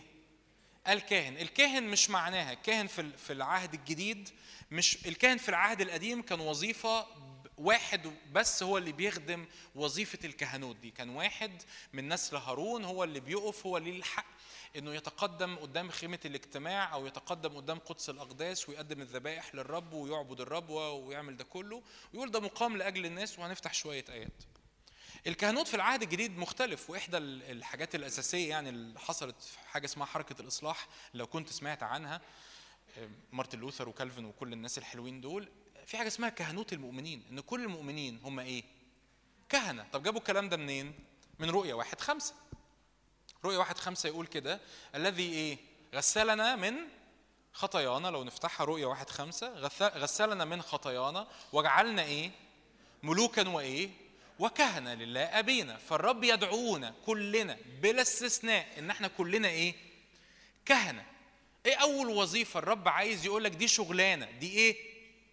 شغلانة. يعني تقول لي يا رب أنا عايز أخدم. يا رب أنا عايز أخدمك. أخدمك. طب أنا هقعد أدور بقى. طب يا طب يا شادي خدني معاك في في الإداريات. طب يا شادي لو سمحت خليني أنا عايز أمسك مايك أرنم. طب أنا ما بعرفش أوعظ. طب أنا نفسي أكرس. طب أنا طب أنا طب أنا. بغض النظر عن كل ده اللي ممكن يبقى ليه مجال تاني إن إحنا نحكي فيه ليه علاقة بالمواهب وليه علاقة بال- بالخدمات جوه الكنيسة. بس حتى لو أنت ما مسكتش مايك ما وعظتش ما رنمتش ما ما مسكتش إداريات ما عملتش أي حاجة تبان إن هي إنجاز التعبير يعني لابس badge الخادم جوه الكنيسة. إيه أول خدمة ربنا بيدعوك ليها؟ إنك تكون إيه؟ كاهن. إنك تكون إيه؟ كاهن. افتح معايا بطرس الثانية إصحاح واحد. بطرس آه، سوري الأولى إصحاح اثنين أنا آسف. بطرس الأولى إصحاح اثنين عدد أربعة. يقول كده الرسول بطرس عن كهنوت المؤمنين. الذي استأتون إليه اللي هو يسوع المسيح حجرا حيا مرفوضا من الناس ولكن مختار من الله كريم. يسوع المسيح ده حجر حي ومختار من الله كريم. كونوا أنتم أيضا مبنيين كحجارة حية بيتا روحيا كهنوتا إيه؟ مقدسا مين الكهنوت المقدس؟ انت بتتكلم عن الكهنة اللي في الكنيسة؟ لا أنا مش بتكلم عن الكهنة اللي في الكنيسة ومش بلغي الكهنة اللي في الكنيسة. ملهاش علاقة. ده ده دي وظيفة كنسية. فاهمين أقصد إيه؟ دي, دي ده زي القسيس أو الراعي أو الكاهن في الكنيسة دي وظيفة كنسية ماليش علاقة بيها وم- ومش بلغيها. بس مش هو ده اللي بتكلم عنه. أنا اللي بتكلم عنه انه كلنا بلا استثناء قدام الرب الرب دعانا أن نكون إيه؟ كهنة. فالكهنة ده أول وظيفة طبعا الكاهن ليه كذا وظيفة بس أنا هتكلم عن وظيفتين أساسيين جوه جوه الكاهن النهارده. أول وظيفة للكهنة لل- للكهنوت المقدس ده إنه يعمل إيه؟ تقديم ذبائح روحية مقبولة عند الله بيسوع المسيح. ما هي الوظيفة الأولى للكاهن؟ أن يقدم إيه؟ ذبائح روحية مقبولة قدام مين؟ قدام الرب. إيه أول خدمة الرب يريد أن يقيمك فيها؟ يعني عايزين النهارده نتحول من مجرد فكرة إن أنا بصلي أو بعبد أو برنم في البيت لإدراك إن دي إيه؟ وظيفة. دي شغلانة دي مسؤولية. يعني أنا لو إنجاز التعبير إنجاز التعبير. ده أنا لو مش هرنم علشان بحب الرب أنا هرنم علشان في مسؤولية. اسمها مسؤولية الإيه؟ كهنوت. أنا كاهن. فأنا واخد الأمر بجدية أنا واخد الأمر بمسؤولية أنا مش مش باخده بتراخي. إيه أول مسؤولية من مسؤوليات الكاهن؟ أن يقدم ذبائح روحية مقبولة عند مين؟ عند الله. إنه بيقف قدام الرب كل يوم ويقول له يا رب أنا ممثل ده ده ده الكهنوت اللي علاقة بآدم حتى في الخليقة إنه أنا ممثل عن الخليقة عن الأرض قدامك. فأنا بقف قدام الرب وأقول له رب أنت صالح أنت عظيم أنت أمين أنت مليان مجد مستحق أن تأخذ المجد. انت فوق كل قوة ورياسة وسلطان واسم وسيادة. ليه؟ لأن هو مستحق. والرب أقامني في هذه الوظيفة. إن الأرض محتاجة تطلع عبادة. مين بقى اللي هيطلع العبادة من الأرض؟ اسمهم إيه؟ الكهنة. إيه أول خدمة الرب يقيمني فيها؟ هي خدمة الكهنوت. وإيه أول مسؤولية من مسؤولية الكهنة؟ أن أقدم ذبائح روحية مقبولة عند مين؟ عند الله. قول يا رب أنا بحبك أنا بكرمك أنا بسبحك أنت عظيم أنت عالي أنت مرتفع. إيه تاني وظيفة أو تاني مسؤولية من مسؤوليات الكاهن؟ افتح معايا عبرانيين خمسة. يقول إيه كاتب رسالة العبرانيين بالروح القدس؟ يقول هذه ال- الكلمات في عبرانيين خمسة عدد واحد. لأن كل رئيس كهنة مأخوذ من الناس يقام لأجل إيه؟ الناس فيما لله لكي يقدم قرا- قرابين وذبائح عن الخطايا. تاني وظيفة تاني وظيفة أو تاني مسؤولية من مسؤوليات الكاهن أن يقام كل رئيس كهنة. مش بيقام لأجل نفسه لكن يقام لأجل إيه؟ الناس. إيه تاني مسؤولية لحضرتك؟ تقول لي أنا عايز أخدم النفوس. أول حاجة تعملها لأجل النفوس إنك تصلي لأجلهم. لأن كل رئيس كهنة يقام لأجل مين؟ لأجل مين؟ الناس. هتقول لي بس انت قلت لي من شوية ان في حاجة اسمها كهنوت المؤمنين. يعني كلنا كهنة يعني كلنا هنصلي لبعض. أقول لك ما هو مش كل البشر مؤمنين. اذا مش كل البشر إيه؟ كهنة. في ناس فعلا حرفيا عايشين وسطنا النهارده مش كهنة. كل الناس اللي معاك في الشغل ومعاك وجيرانك في العمارة وزمايلك وقرايبك اللي ما يعرفوش الرب كل دول ما هماش إيه؟ كهنة. اوعى تكون بتصلي بدون تشفع. اوعى تقول أنا خدمتي العبادة من غير تشفع. اوعى تقول أنا بكهن للرب من غير تشفع. في حاجة ناقصة. لأن الكاهن يقام لأجل الإيه؟ الناس. أنت بتقف قدام الرب تقول يا رب أنا بعبدك أنا بحبك أنا بمجدك. ده ليه نتيجة؟ هحكي عنها كمان شوية. النتيجة إنك بتتغير إلى تلك الصورة عينيها. بتبقى حامل الحضور. دي الوظيفة الثانية بس مش هسبق نفسي. لكن المسؤولية الثانية للكاهن انه بيصلي لأجل مين؟ لأجل الناس. أنا عايز أخدم النفوس. أنا النهارده سمعت جون بيقول عن الرسول بولس إنه الناس هم فرحي وإكليلي. أول أول حاجة تخلي النفوس تحول النفوس من هم مجرد بني آدمين أنت مالكش علاقة بيهم إن هم يكونوا فرحك وإكليلك إنك تبتدي تصلي لأجلهم. إنك تبتدي تشفع بجد. تقول يا رب تعالى عايز عايز أقول لك مش بس غير الم... يعني مش بس هتصلي لأجل غير المؤمنين لكن صلي كمان لأجل المؤمنين لأن في مؤمنين ما بيعرفوش يصلوا لنفسهم. في ناس حتى بالاسم مسيحيين ما بيصلوش. وفي مؤمنين ممكن يكونوا بيعدي بأوقات ضغط بأوقات صعبة. ده بولس الرسول نفسه كتب للكنايس قال لهم مصلين بكل صلاة وطلبة لأجلي. صلوا لي. طب هو بولس الرسول ما بيصليش؟ لا بيصلي. بس هو عايز ناس تغطي تغطيه في أوقات هو يمكن يكون نايم فيها أو أوقات تعبان فيها أو أوقات بيتحارب فيها أو أوقات متفشل فيها أو يخرج من الناس دول صلوات هو نفسه ما يكونش بيصليها لنفسه. لأن أنا محدود. بس ممكن أكون بعدي بتحديات أنا ما أعرفش عنها حاجة. فالرب يشغل إبرام إنه يصلي لأجل جون لأجل حاجة جون نفسه مش واخد باله منها. ويشغل ويشغل جون إنه يصلي لأجل مايكل في حاجة مايكل نفسه مش واخد باله إن الحاجة دي تحدي هو بيعدي بيه. فاحنا بنكهن لأجل العالم كله ولأجل بعضنا البعض. عشان كده الرسول بولس في تيموثاوس الأولى الصح اتنين يقول كده أنا أنا أطلب أول كل شيء أن تقام. تعالوا نفتحها. تيموثاوس الأولى اصحاح اتنين. عدد واحد أطلب أول كل شيء أن تقام طلبات وصلوات وابتهالات وتشكرات لأجل إيه؟ جميع الناس. أو الترجمة الأدق on behalf يعني بدل جميع الناس. يعني بدل ما كل الناس أو بمعنى إيه؟ إن كل الناس المفروض يصلوا بس مش كل الناس بيصلوا. فأنت صلي كأنك بتصلي بدلهم.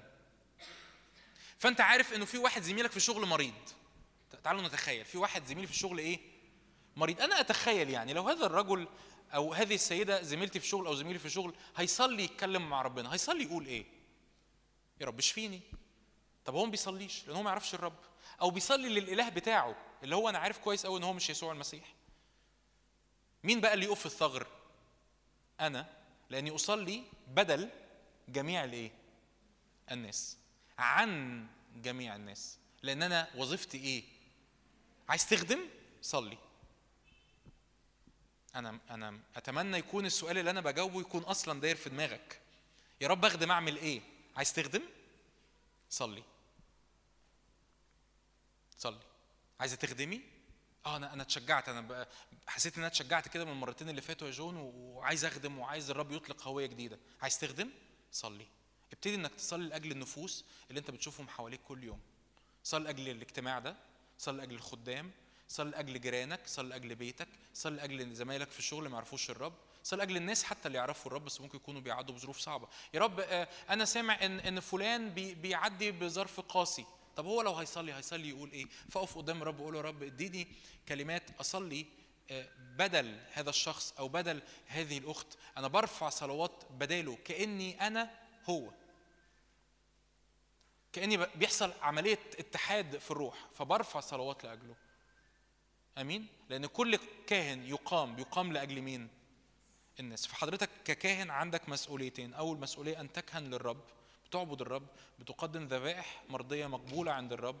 وتاني وظيفة أن تصلي لأجل إيه؟ جميع الناس.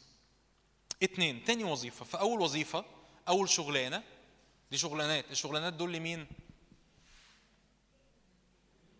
الشغلانات دول لمين؟ لينا كلنا. للكاهن مين؟ أنت قلتوا للكاهن؟ الشغلانات دول لمين؟ لينا كلنا.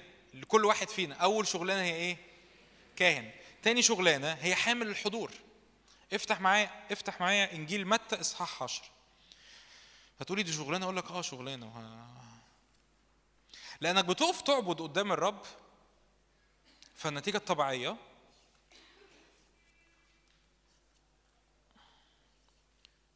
إنه إنه الرب يستجيب بنار على الذبيحة. دي نتيجه طبيعيه يعني إيه الرب يستجيب بنار على الذبيحة؟ يعني الرب يأتي بحضوره هو الشخصي على حياتك. ده النتيجة الطبيعية. يعني إيه حاملين الحضور؟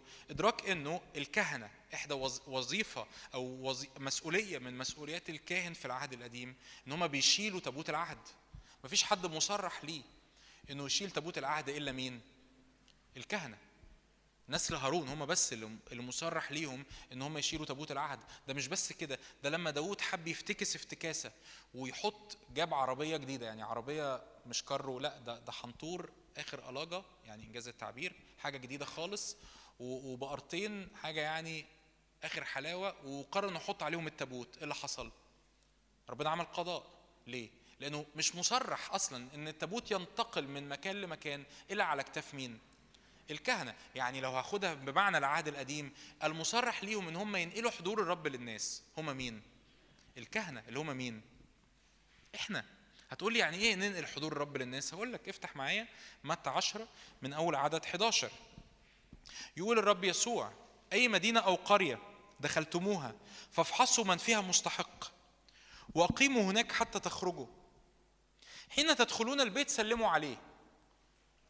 فإن كان البيت مستحقا فليأتي سلامكم عليه. ولكن إن لم يكن مستحقا فليرجع سلامكم إليكم. يعني إيه؟ رب يسوع بيقول كده هتدخلوا مدينة. لما تجدوا بيت مستحق مستحق بمعنى إن البيت ده بيقبل خدمتكم. البيت ده قابل إن هو يستضيفكم. البيت ده أبوابه مفتوحة ليكم. لو لقيتوا بيت مستحق ادخلوا هذا البيت. وقولوا إيه؟ سلام لأهل ذلك الإيه؟ البيت. لو البيت ده قبل السلام هيحصل إيه في السلام بتاعكم؟ هيأتي سلامكم عليه. طب لو البيت ده رفض يعني؟ يبقى هنا من الواضح إن الرب يسوع مش بيتكلم عن إنك بتدخل البيت تقول لهم السلام عليكم أو صباح الخير أو مساء الخير أو بتسلم على الناس اللي في البيت. لأن الرب يسوع بيتكلم عن حاجة أعمق من كده.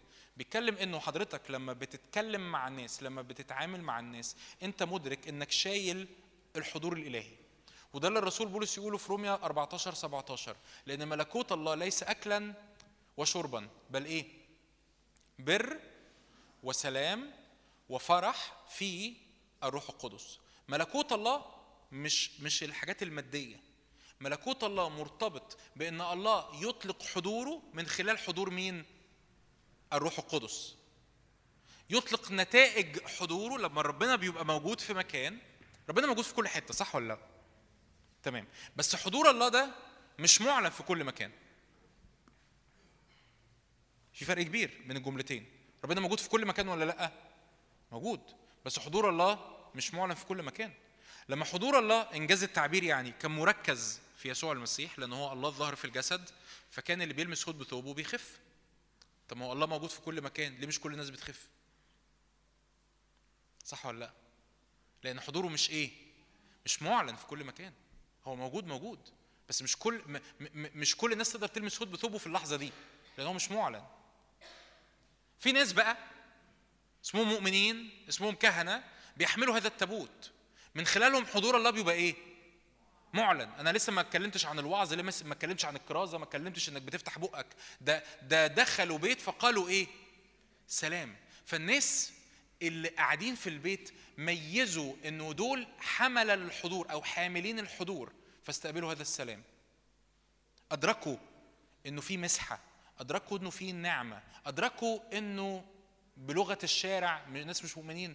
إن أنا لما بتعامل معاك بستريح. إن أنا لما بقرب منك بحس إن أنا عايز أحكي عن مشاكلي. لما لا ميزوا إن أنت لما بتقول لواحد زميلك في الشغل أنا هدعي لك. هو قال لك ادعي لي. وهو حاسس إنه في حاجة هتحصل. ده اسمه إيه؟ حضور روح القدس. وملكوت الله مش أكل وشرب لكن بر وسلام وفرح من خلال حضور شخص مين؟ الروح القدس. إيه تاني وظيفة ربنا بيقيمني فيها؟ إني وأنا بتحرك أنا عارف إن أنا شايل حضور الروح القدس. فالأجواء اللي أنا شايف إن الدنيا آه ده هنا في سحر وعيافة وعرافة. هو- آه، آه، أنا مش في منافسة مع السحر والعيافة والعرافة. أنا شايل حضور الروح القدس اللي يأتي بسلام فيطرد السحر والعيافة والعرافة. أنا بتعامل مع واحدة زميلتي في الشغل طول الوقت متعصبة. طب إيه رأيك تصدقي إن من هنا ورايح وأنت بتتعاملي معاها إنك تطلقي في أجواء الشغل سلام؟ يعني أقول إيه يعني؟ ملهاش علاقة بالأولان. حتى لو مجرد انك وانت في الشغل قاعدة على المكتب بتقولي كده بصوت هادي جدا يا روح الله فيض بسلام على المكتب. بس كده. أنت مش بتصلي للناس مش بتتكلمي ملهاش علاقة بالناس. ملهاش علاقة مين سمعك. هي ليها علاقة بالأجواء الروحية. إيه تاني وظيفة ربنا بيطلقنا فيها؟ أن نكون حاملين للإيه؟ للحضور. ده اللي الرب يسوع عمله في يوحنا 20 لما دخل وسط التلاميذ. دخلوا الأبواب مغلقة. التلاميذ كانوا خايفين بسبب اليهود. أول ما دخلوا الأبواب مغلقة قال لهم إيه؟ هتفكر؟ سلام لكم. قال لهم سلام لكم. وراهم يديه وجنبه. يقول كده الكتاب فرح التلاميذ رأوا الرب. فقال لهم ثانية سلام لكم. حد فكر في الآية دي قبل كده؟ ليه يقول سلام لكم مرتين؟ ما هو سلم عليهم. آه ما هو ما كانش بيسلم عليهم. هو كان بيطلق حضور الروح القدس اللي مليان سلام. دي وظيفة. دي وظيفة. عايز تخدم؟ اتحرك وانت مدرك ان أنا طول الوقت حامل لحضور الروح القدس اللي مليان بر اللي مليان فرح. يعني أقول إيه أعمل إيه؟ أكلمهم عن فرح المسيح؟ آمين. لو في فرصة إنك تكلمي عن فرح المسيح اتكلمي عن فرح المسيح. لكن من غير ما حتى من قبل ما تتكلمي عن فرح المسيح أنت عارفة إن في آه، فاكرين العالم الموازي؟ ما أنا بقى ما أنا جاي من العالم الموازي ده أنا جايبه معايا بقى. ما أنا موجود هنا ليه؟ عشان أجواء العالم الموازي ده تؤثر في العالم ده تؤثر هنا. أجواء العالم الموازي ده مليانة بر وسلام وفرح بتطلق من خلال حضور شخص اسمه شخص الروح القدس. بالتأكيد طبعا في عليا على حياتي أنا مسؤولية إن أنا بالأولى أكون عايش في البر بالأولى أكون عايش في السلام بالأولى أكون عايش في الفرح. صح ولا إيه؟ أكون عايش في قداسة أكون عايش في تبعية أكون عايش في تكريس. فأنا فال فالجو ده أنا متعود عليه. فلما بقابل حد منزعج أنا بميز بسهولة إن في انزعاج لأن مش الطبيعي بتاعي إني ابقى منزعج. لما بقابل حد مكتئب بسهولة بميز إنه في حاجة مش مظبوطة لأن مش طبيعي بتاعي اني ابقى مكتئب أو حزين. فبأطلق بسهولة أجواء السلام والفرح والقوة والشفاء وهكذا. ده مش كلام يعني ممكن تكون قاعد بتسمعني وعمال تفكر بدماغك يعني أعمل إيه بالظبط. لو لو عايز أقول بطريقة عملية تعمل إيه بالظبط إكهن للرب حب الرب امتلي بحضور روح القدس اسلك في تبعية للروح القدس وصدق. وصدق إن في أجواء محيطة بيك. ببساطة. وكل مكان هتدخله كل شخص أنت بتتعامل معاه أنت بتصدق إن الأجواء دي بتؤثر في الأشخاص وفي النفوس وبتؤثر لو في أرواح شر بتؤثر وليها سلطان حتى على أرواح الشر بس تصدق إن دي شغلانة. إن قم يا رب إلى راحتك أنت وتابوت عزك إن التابوت على كتفك. ف... فالكهنة وهم شايلين التابوت على كتفهم ورجليهم مغروسة في الأردن وهو ممتلئ إلى جميع شطوطه الأردن بيتشق ليه؟ مش لأجل أي قوة في الكهنة لكن لأن هم شايلين تابوت العهد. بس كده. أنا أنا في وسط الأردن يقول لك الأردن كان ممتلئ. يعني إيه أردن؟ نهر ممتلئ يعني نهر بيفيض. يعني ممكن يكون في بيجري بقوة. بس بسبب حضور الروح القدس بسبب حضور الرب اللي على حياتك ال- الفيضان ده يقف. ويعلن حضور الرب. ده إيه؟ ده ده اختبار روحي. ده, ده, حالة روحية أنت بتسكن فيها. بيحصل إمتى؟ كل ما بتعبد الرب كل ما بتكهن للرب كل ما بتقف الوظيفة الأولى بت بتحصل الوظيفه الثانية نتيجة طبيعية. إنك حامل للإيه؟ الحضور. هو ده اللي بيخلي يعني ينفع استفيض كتير في الكلام ده بس مش- عايز يعني عشان الوقت. بس ده اللي بيخلي ارواح الشر تخرج ده اللي بيخلي إنه إنه إنه في ناس بتتقابل معاهم فأنت بتدرك إنه في حاجة مختلفة حتى لو ما فتحوش بقهم. ده اللي بيفتح على على على حياتك إنك تكون أنت حامل لسلام ولفرح ولهدوء وال وال والبر. البر أخبار البر إيه؟ إحنا ما بنقدرش نقول كلمة وحشة قدام فلان. ممكن يكون عمرك عمره فلان ده عمره ما قال للناس اللي حواليه ما تقولوش كلمة وحشة. بس في في حاجة في نور خارج. بيجبر الناس اللي حواليا السيستم اللي حواليا إنه يخضع لحالة البر إنه يخضع لحالة القداسة إنه يخضع ل, ل, ل يعني إنه محدش يعرف يلف ويدور عليك. إنك تبقى إنسان الناس بتتجنب إن هم يلتووا قدامك. ده بسبب إيه؟ ده بسبب حضور روح القدس. وأنت جوا- جواك مفيش التواء. فمحدش يعرف يلتوي محدش يلتووا على الناس كلها. قدامك يجيبوا ورا. يعملوا دوشة مع الناس كلها. قدامك يجيبوا ورا. ليه؟ في حضور. في حضور. الكتاب يقول كده. إذا أرضت الرب طرق إنسان جعل اعدائه إزاي جعل اعدائه يسالمونه بسبب الحضور. بسبب مش بقول إن كل حاجة هتبقى بيس وكل مشاكلك هتحل مش بقول كده. أنا بقول إن الحضور ده بيعمل هيمنة بيعمل سيادة.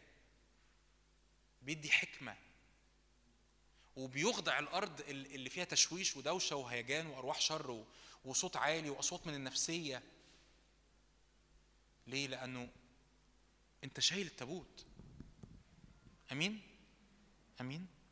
فدي تاني وظيفة. أول وظيفة كهنة تاني وظيفة هي أن تحمل الحضور الإلهي. ثالث وظيفة كرونس الثانية خمسة هي وظيفة السفراء. وظيفة الإيه؟ تقول لي يعني أنا النهارده يعني أنا هطلع أشتغل إيه؟ أقول لهم أنا في البيت دلوقتي. أنا أقول لهم أنا بشتغل إيه؟ أقول لهم أنا بشتغل كاهن وحامل الحضور وإيه كمان؟ وسفير. وفي واحدة رابعة ما اصبروا عليا. فأنا شغال كاهن عند الرب. ياه! ودي بيطلعوا لها بطاقة؟ آه في السماء آه في السماء بيطلعوا لها بطاقة. نقابة. نقابة الكهنة.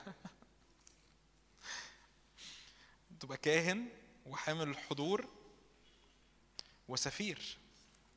السفير هو الممثل هو المتكلم بالنيابة عن آه، شخص تاني أو عن أنا مش عارف ليه عمال أقلب. كروس تاني خمسة. السفير هو الشخص اللي اللي بينوب عن دولة تانية عن مملكة تانية آه، بسلطان بإعلان مشيئة الملك. ده السفير.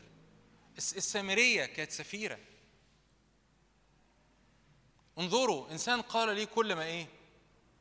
ما فعلت. الس- السفير هدفه حاجة واحدة إن الناس يشوفوا الملك. مجنون كرة الجدريين كان إيه؟ سفير متخيل؟ الرب بيعين في السلك الدبلوماسي بتاعه مجانين. هللويا حبيبي ورايا ورايا أنت حبيبي.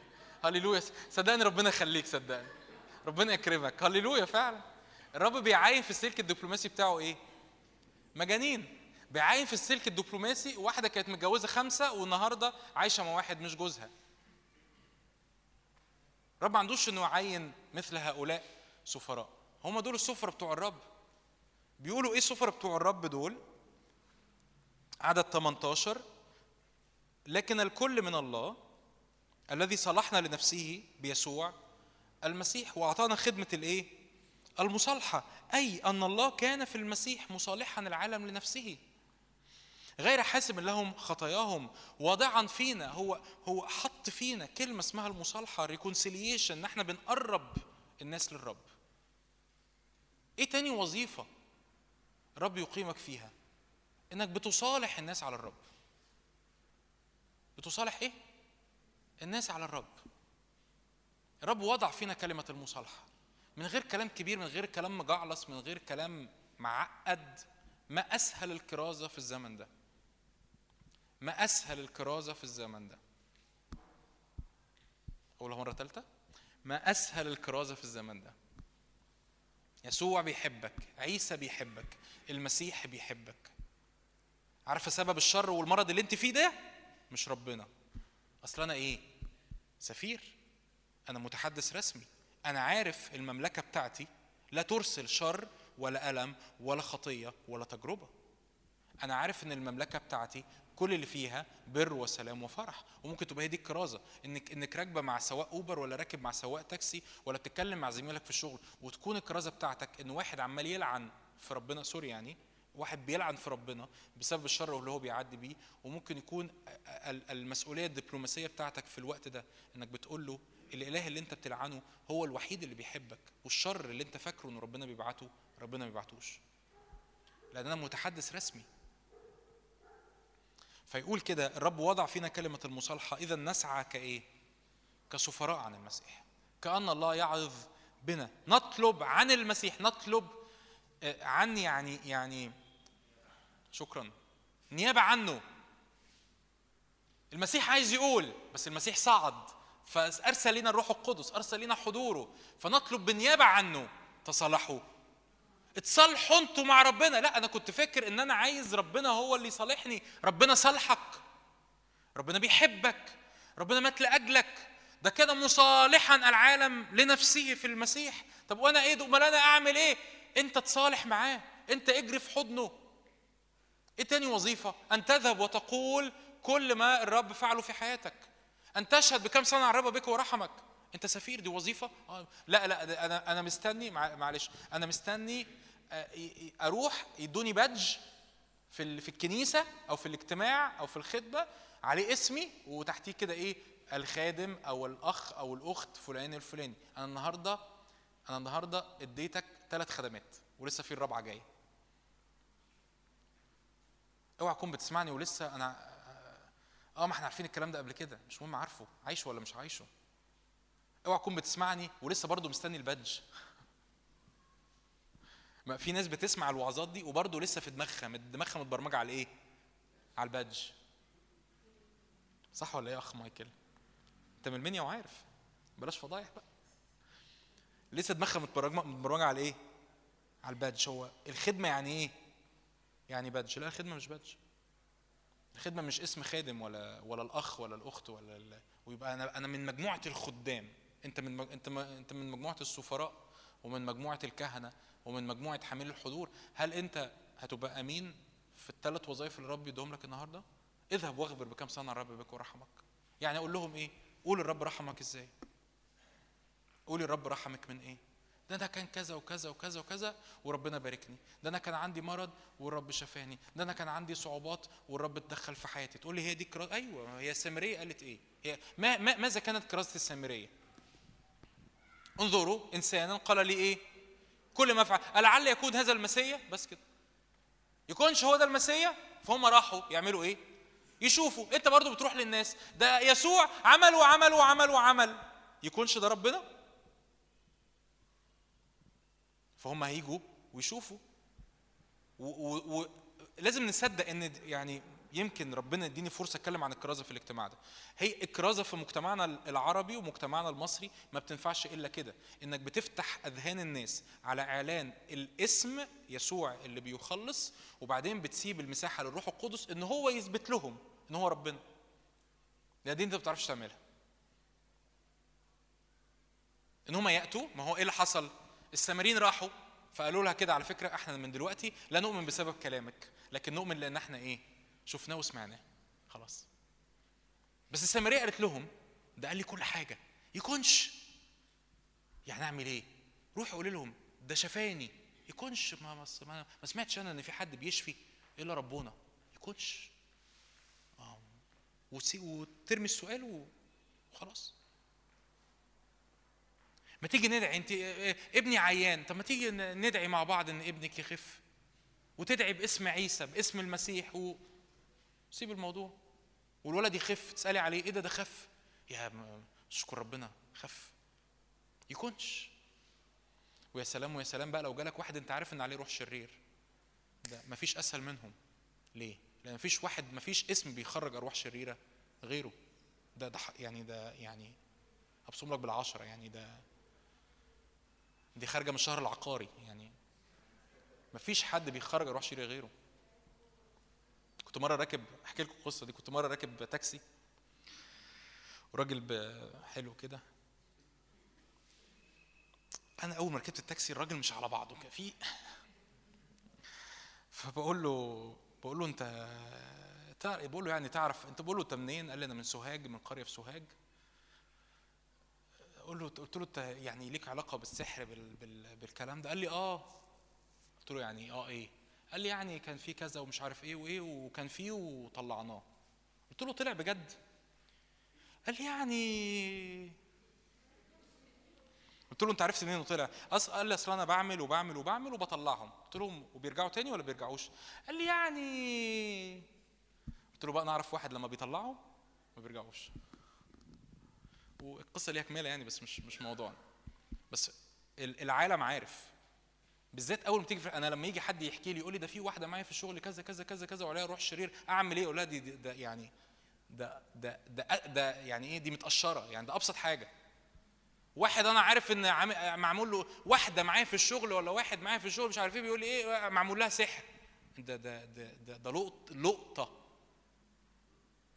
أنت مش محتاج تثبت له أي حاجة. هروح باسم يسوع السحر يبطل وال- والروح الشرير يخرج. الموضوع خلص. مفيش حد غيره بيعمل كده. ما فيهاش كاني ولا ماني. يعني الموضوع بالبساطة دي. فاحنا بنسعى عنه كإيه؟ كسفراء. ده يدخلنا إن إحنا كمان الوظيفة الرابعة إن إحنا ملوك. هقرأ لك آية لقى لقى تسعة. لقى تسعة عدد واحد. يعني ملوك يعني لينا السلطان لينا القوة والسلطان.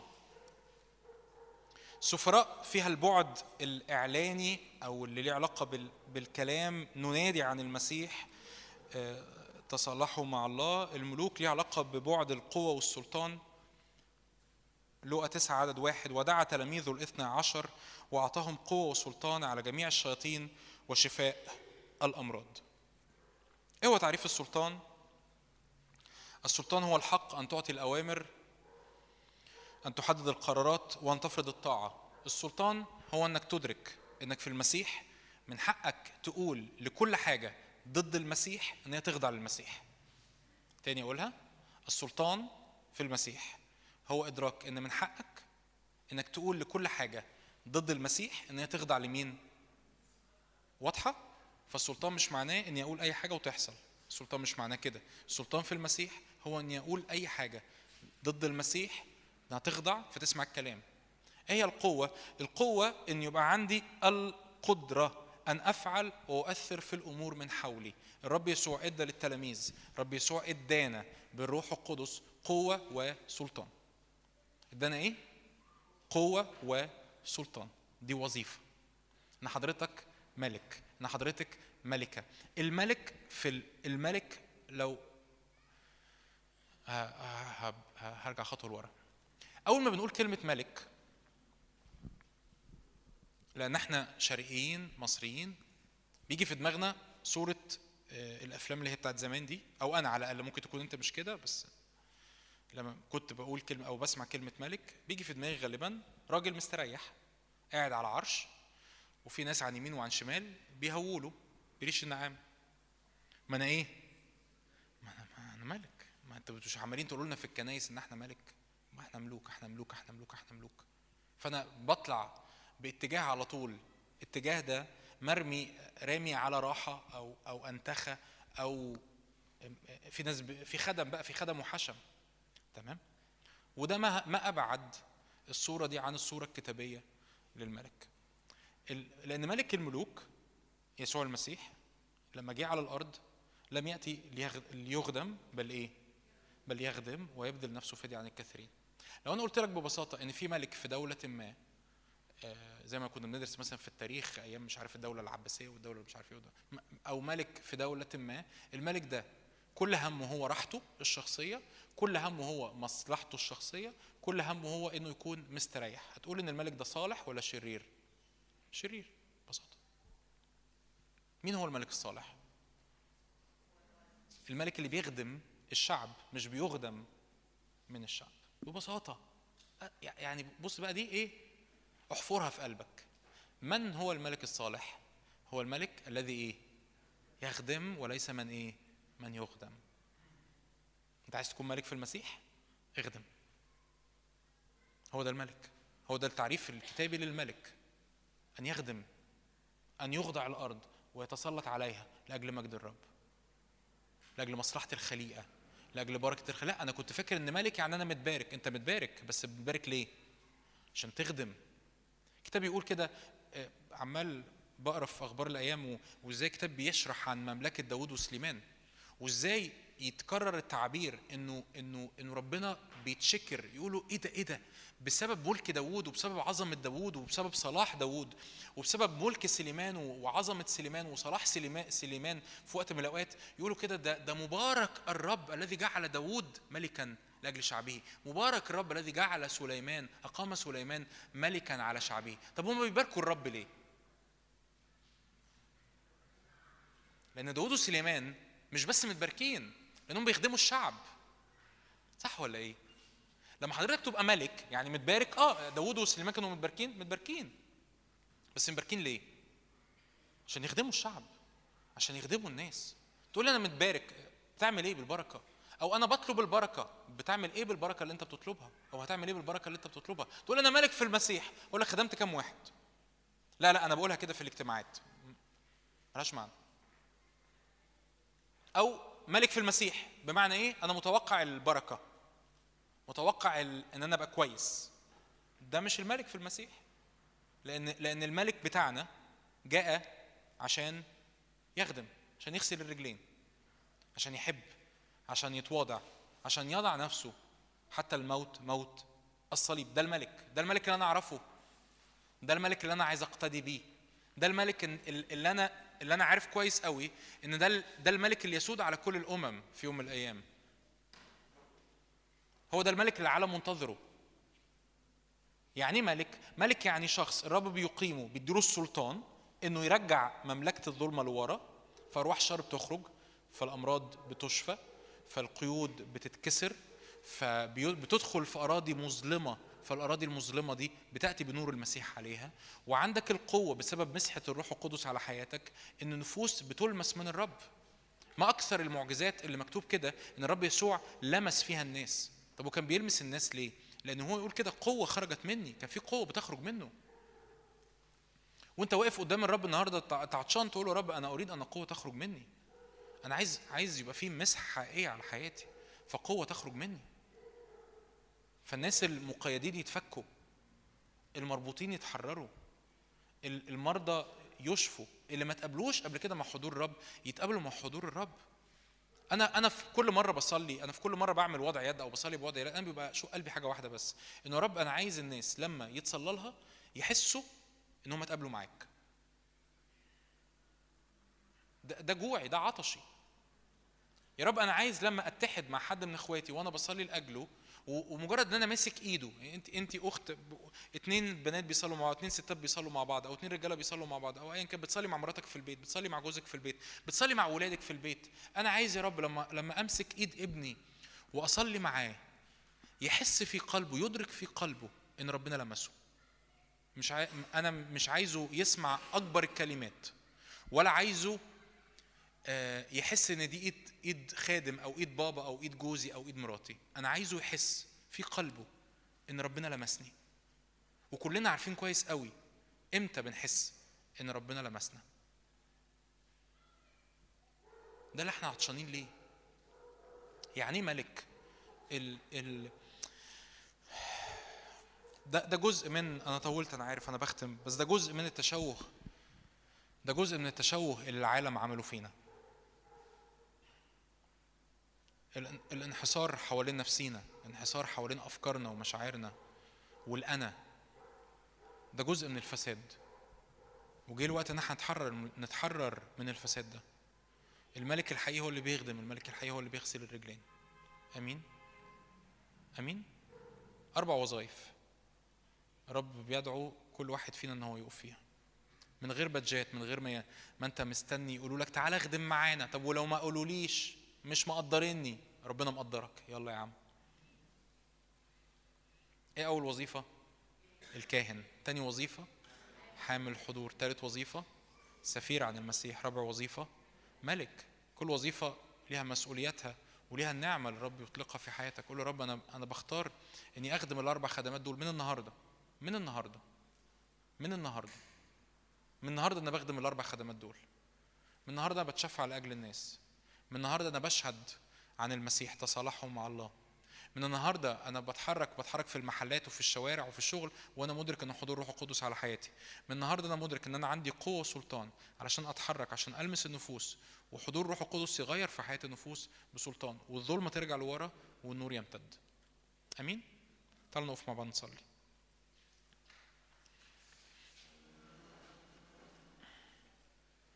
تعالوا نقف مع بعض. اقف كده. بإدراك بإيمان قول يا رب أنا بختار إني أقف بإدراك في الوظائف اللي أنت بتدعوني ليها. مش مش بتراجع ولا ولا بستعفي. لكن بقول لك أيوة يا رب أمين يا رب ليكن ليكن يا رب مشيئتك في حياتي لتكن مشيئتك في حياتي في اسم يسوع. لتكن مشيئتك في حياتي في اسم يسوع. إني أتمم يا رب الأمر اللي أنت دعيني ليه. إني أعمل فيما لأبي في اسم يسوع. يا رب وبما أن هذه كلها تنحل فأنا بختار إني أشتغل في وظائف وظائف أبدية وظائف بتأتي بنتيجة أبدية في حياتي وفي حياة الناس. بختار يا رب إني أشتغل معاك في ملكوتك. وأنا عارف يا رب إنه دي كرامة كرامة غالية إني أكون بشتغل معاك في ملكوتك. أشكر رب لأجل الدعوة. الكتاب يقول كده دعانا دعوة مقدسة. قول يا رب شكرا لأجل الدعوة لأنك دعيتني دعوة مقدسة. شكرا يا رب لأنك دعيتني إني أكون كاهن. شكرا إنك دعيتني إني أكون حامل لحضور الروح القدس. شكرا لأنك دعيتني إني أكون سفير. شكرا إنك دعيتني إني أكون ملك. شكرا يا رب لأجل كل نعمة أنت تطلقها على حياتي عشان أقدر أسلك في الوظائف دي. وشكرا يا رب لأنه في مسؤولية ومسؤولية كريمة وغالية. كل حياتي يا رب ملك ليك في اسم يسوع. كل حياتي ملك ليك كل أيامي ملك ليك. كل انشغالي هو بالملك كل اهتمامي هو بالملك. كل أمر بفكر فيه هو للملك. اسم يسوع. يا رب ليأتي ملكوتك لتكن مشيئتك كما في السماء كذلك على الأرض. ليأتي ملكوتك لتكن مشيئتك كما في السماء كذلك من خلالي في حياتي من خلالي في كل دوائر تأثير يا رب أنت تقيمني فيها. وأنت واقف كده ارفع إيدك قول رب أنا هو ها أنا ذا ارسلني. ها أنا ذا ارسلني في اسم يسوع. لو في يا رب عرج عرج بين الفرقتين في حياتي يا رب أنا بختار أحط إيدي على المحرات ولا أنظر إلى الوراء. لو في خوف أو هم أنا بختار إني أنفصل عنه. لو في أمور مرمية من العالم أنا بختار إني أنفصل عنها. أختار يسوع المسيح فقط أختار اسمه أختار إني أكرمه أختار إني أعبده. هو وحده في اسم يسوع في اسم يسوع.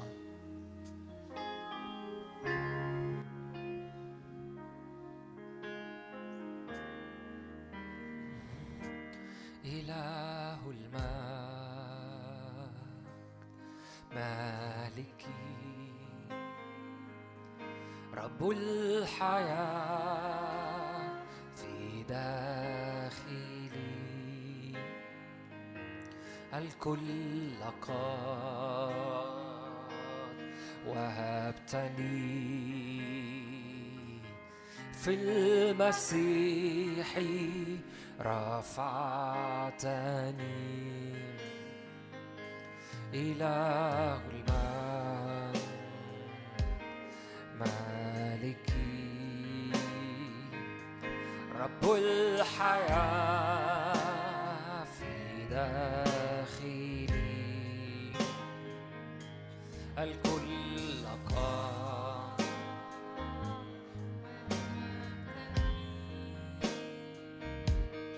في المسيح رفعتني.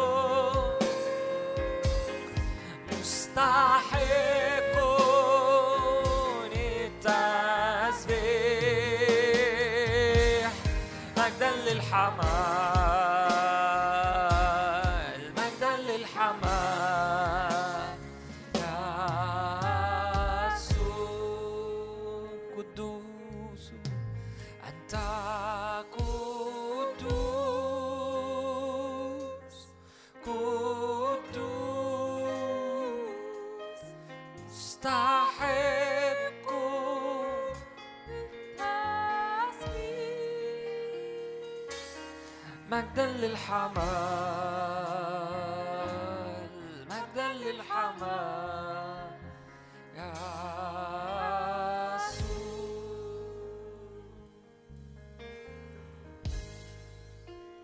يباركك كل قلبي كل قلبي.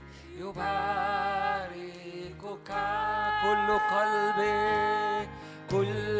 قلبي يباركك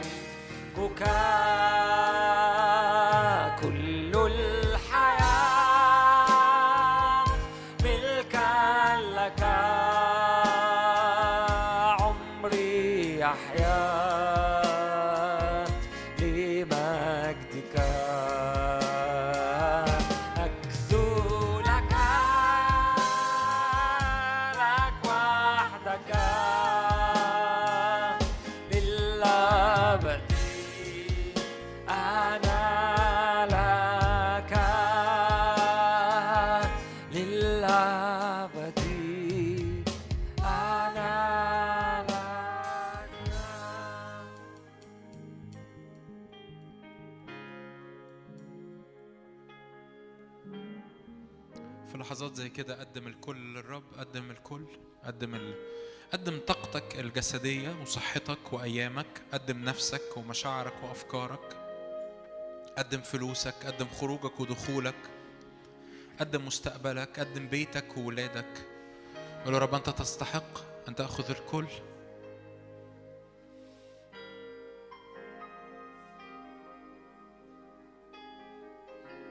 نعم يا رب نحيا في هذه الأرض.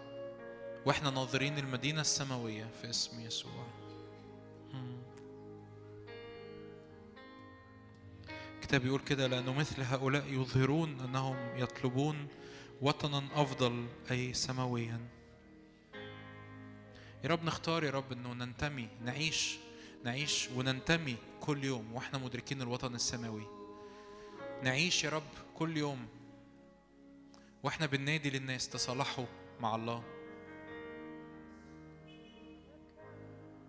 لو في ناس في ذهنك رب حطهم على قلبك دلوقتي ابتدي صلي لأجل ناس تانية. صلي لأجل زمايل ليك في الشغل صلي لأجل جيران لأجل ناس في العيلة. صلي لأجل إن رب يفتح عينين. رب يشفي رب يبرئ رب يطلق رب يحرر رب يزور بيوت مليانة انزعاج ومليانة دوشة. اوعى تكون واقف دلوقتي قدام الرب تفكر بأنانية وتقول طب أنا هصلي لنفسي. مكتوب كده إنه لما داوود لما أيوب صلى لأجل أصحابه رد الرب سب أيوب. قول يا رب أنا بقف في الكرامة في الوظيفة اللي أنت أقمتني فيها إني أكون كاهن وكل كاهن يقام لأجل الناس فيما لله. قول يا رب أنا بختار إني أكهن أرفع صلوات وطلبات وتشكرات لأجل جميع الناس. بيوت يا رب ندخلها وإحنا شايلين حضورك. شايلين عمل الروح القدس أجواء الملكوت.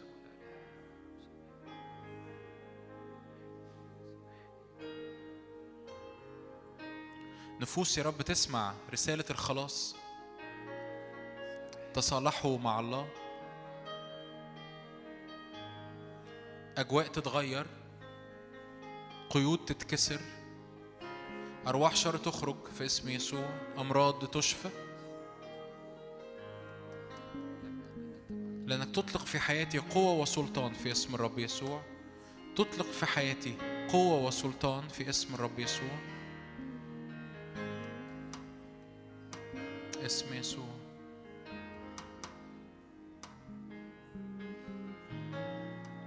يا رب يرتفع أنا بصلي يرتفع يسوع المسيح في كل حاجة بنعملها في كل حاجة بنعيشها. في اسم يسوع في اسم يسوع. يتمجد يسوع في كل حاجة بنعملها. يس يا رب أنا بصلي حالة انتداب حالة انتداب حالة استعداد حالة خروج وراءك في اسم يسوع. ونفرح بانتدابنا ليك. ونفرح نعم لأن شعبك منتدب في يوم قوتك. شعب منتدب شعب بيخرج شعب بيحمل ملكوتك للأرض في اسم الرب يسوع.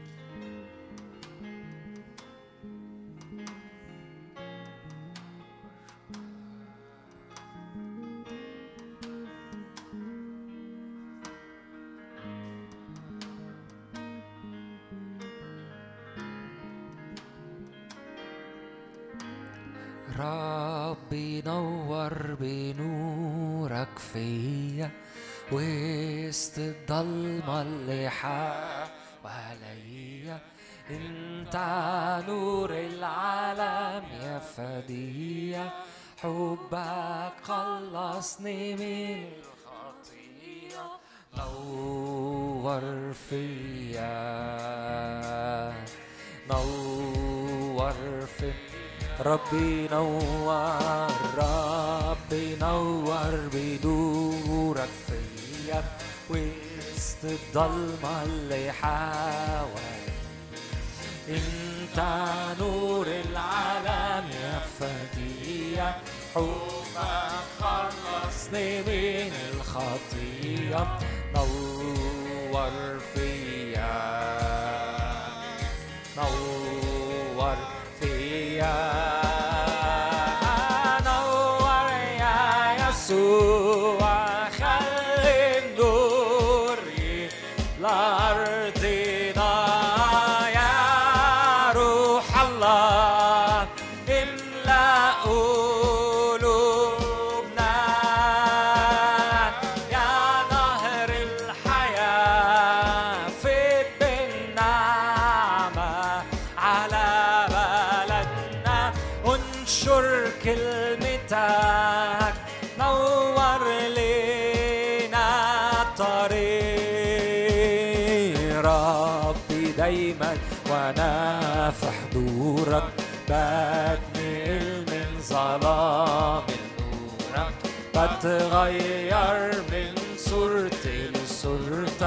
زي المراية بعكس مجدك نور فيا.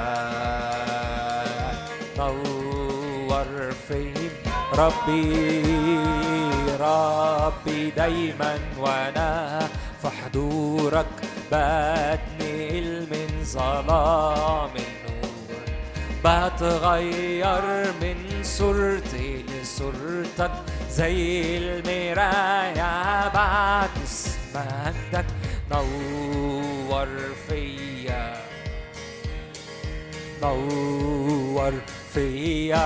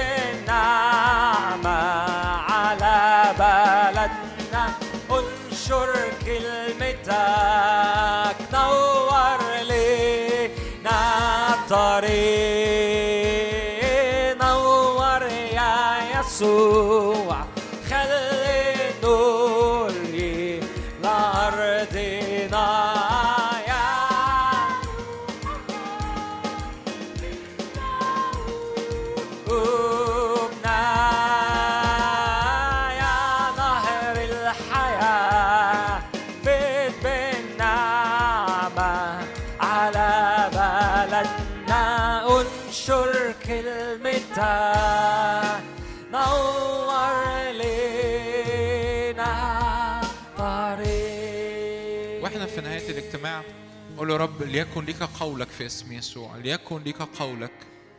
اليصابات قالت كده لعذراء مريم لأن طوبى التي آمنت أن يتم ما قيل لها من قبل الرب. قول له رب ليكن ليك قولك في اسم يسوع. أحيا كاهن أحيا حامل الحضور أحيا من السفراء وأحيا ملك للرب في اسم يسوع. ليكن لينك قولك في اسم الرب يسوع. ليأتي ملكوتك يا رب لتكن مشيئتك. كما في السماء كذلك في أرضنا كذلك في دوائرنا كذلك في حياتنا. في اسم الرب يسوع لكل مجد يا رب. آمين. آمين. رب يبارككم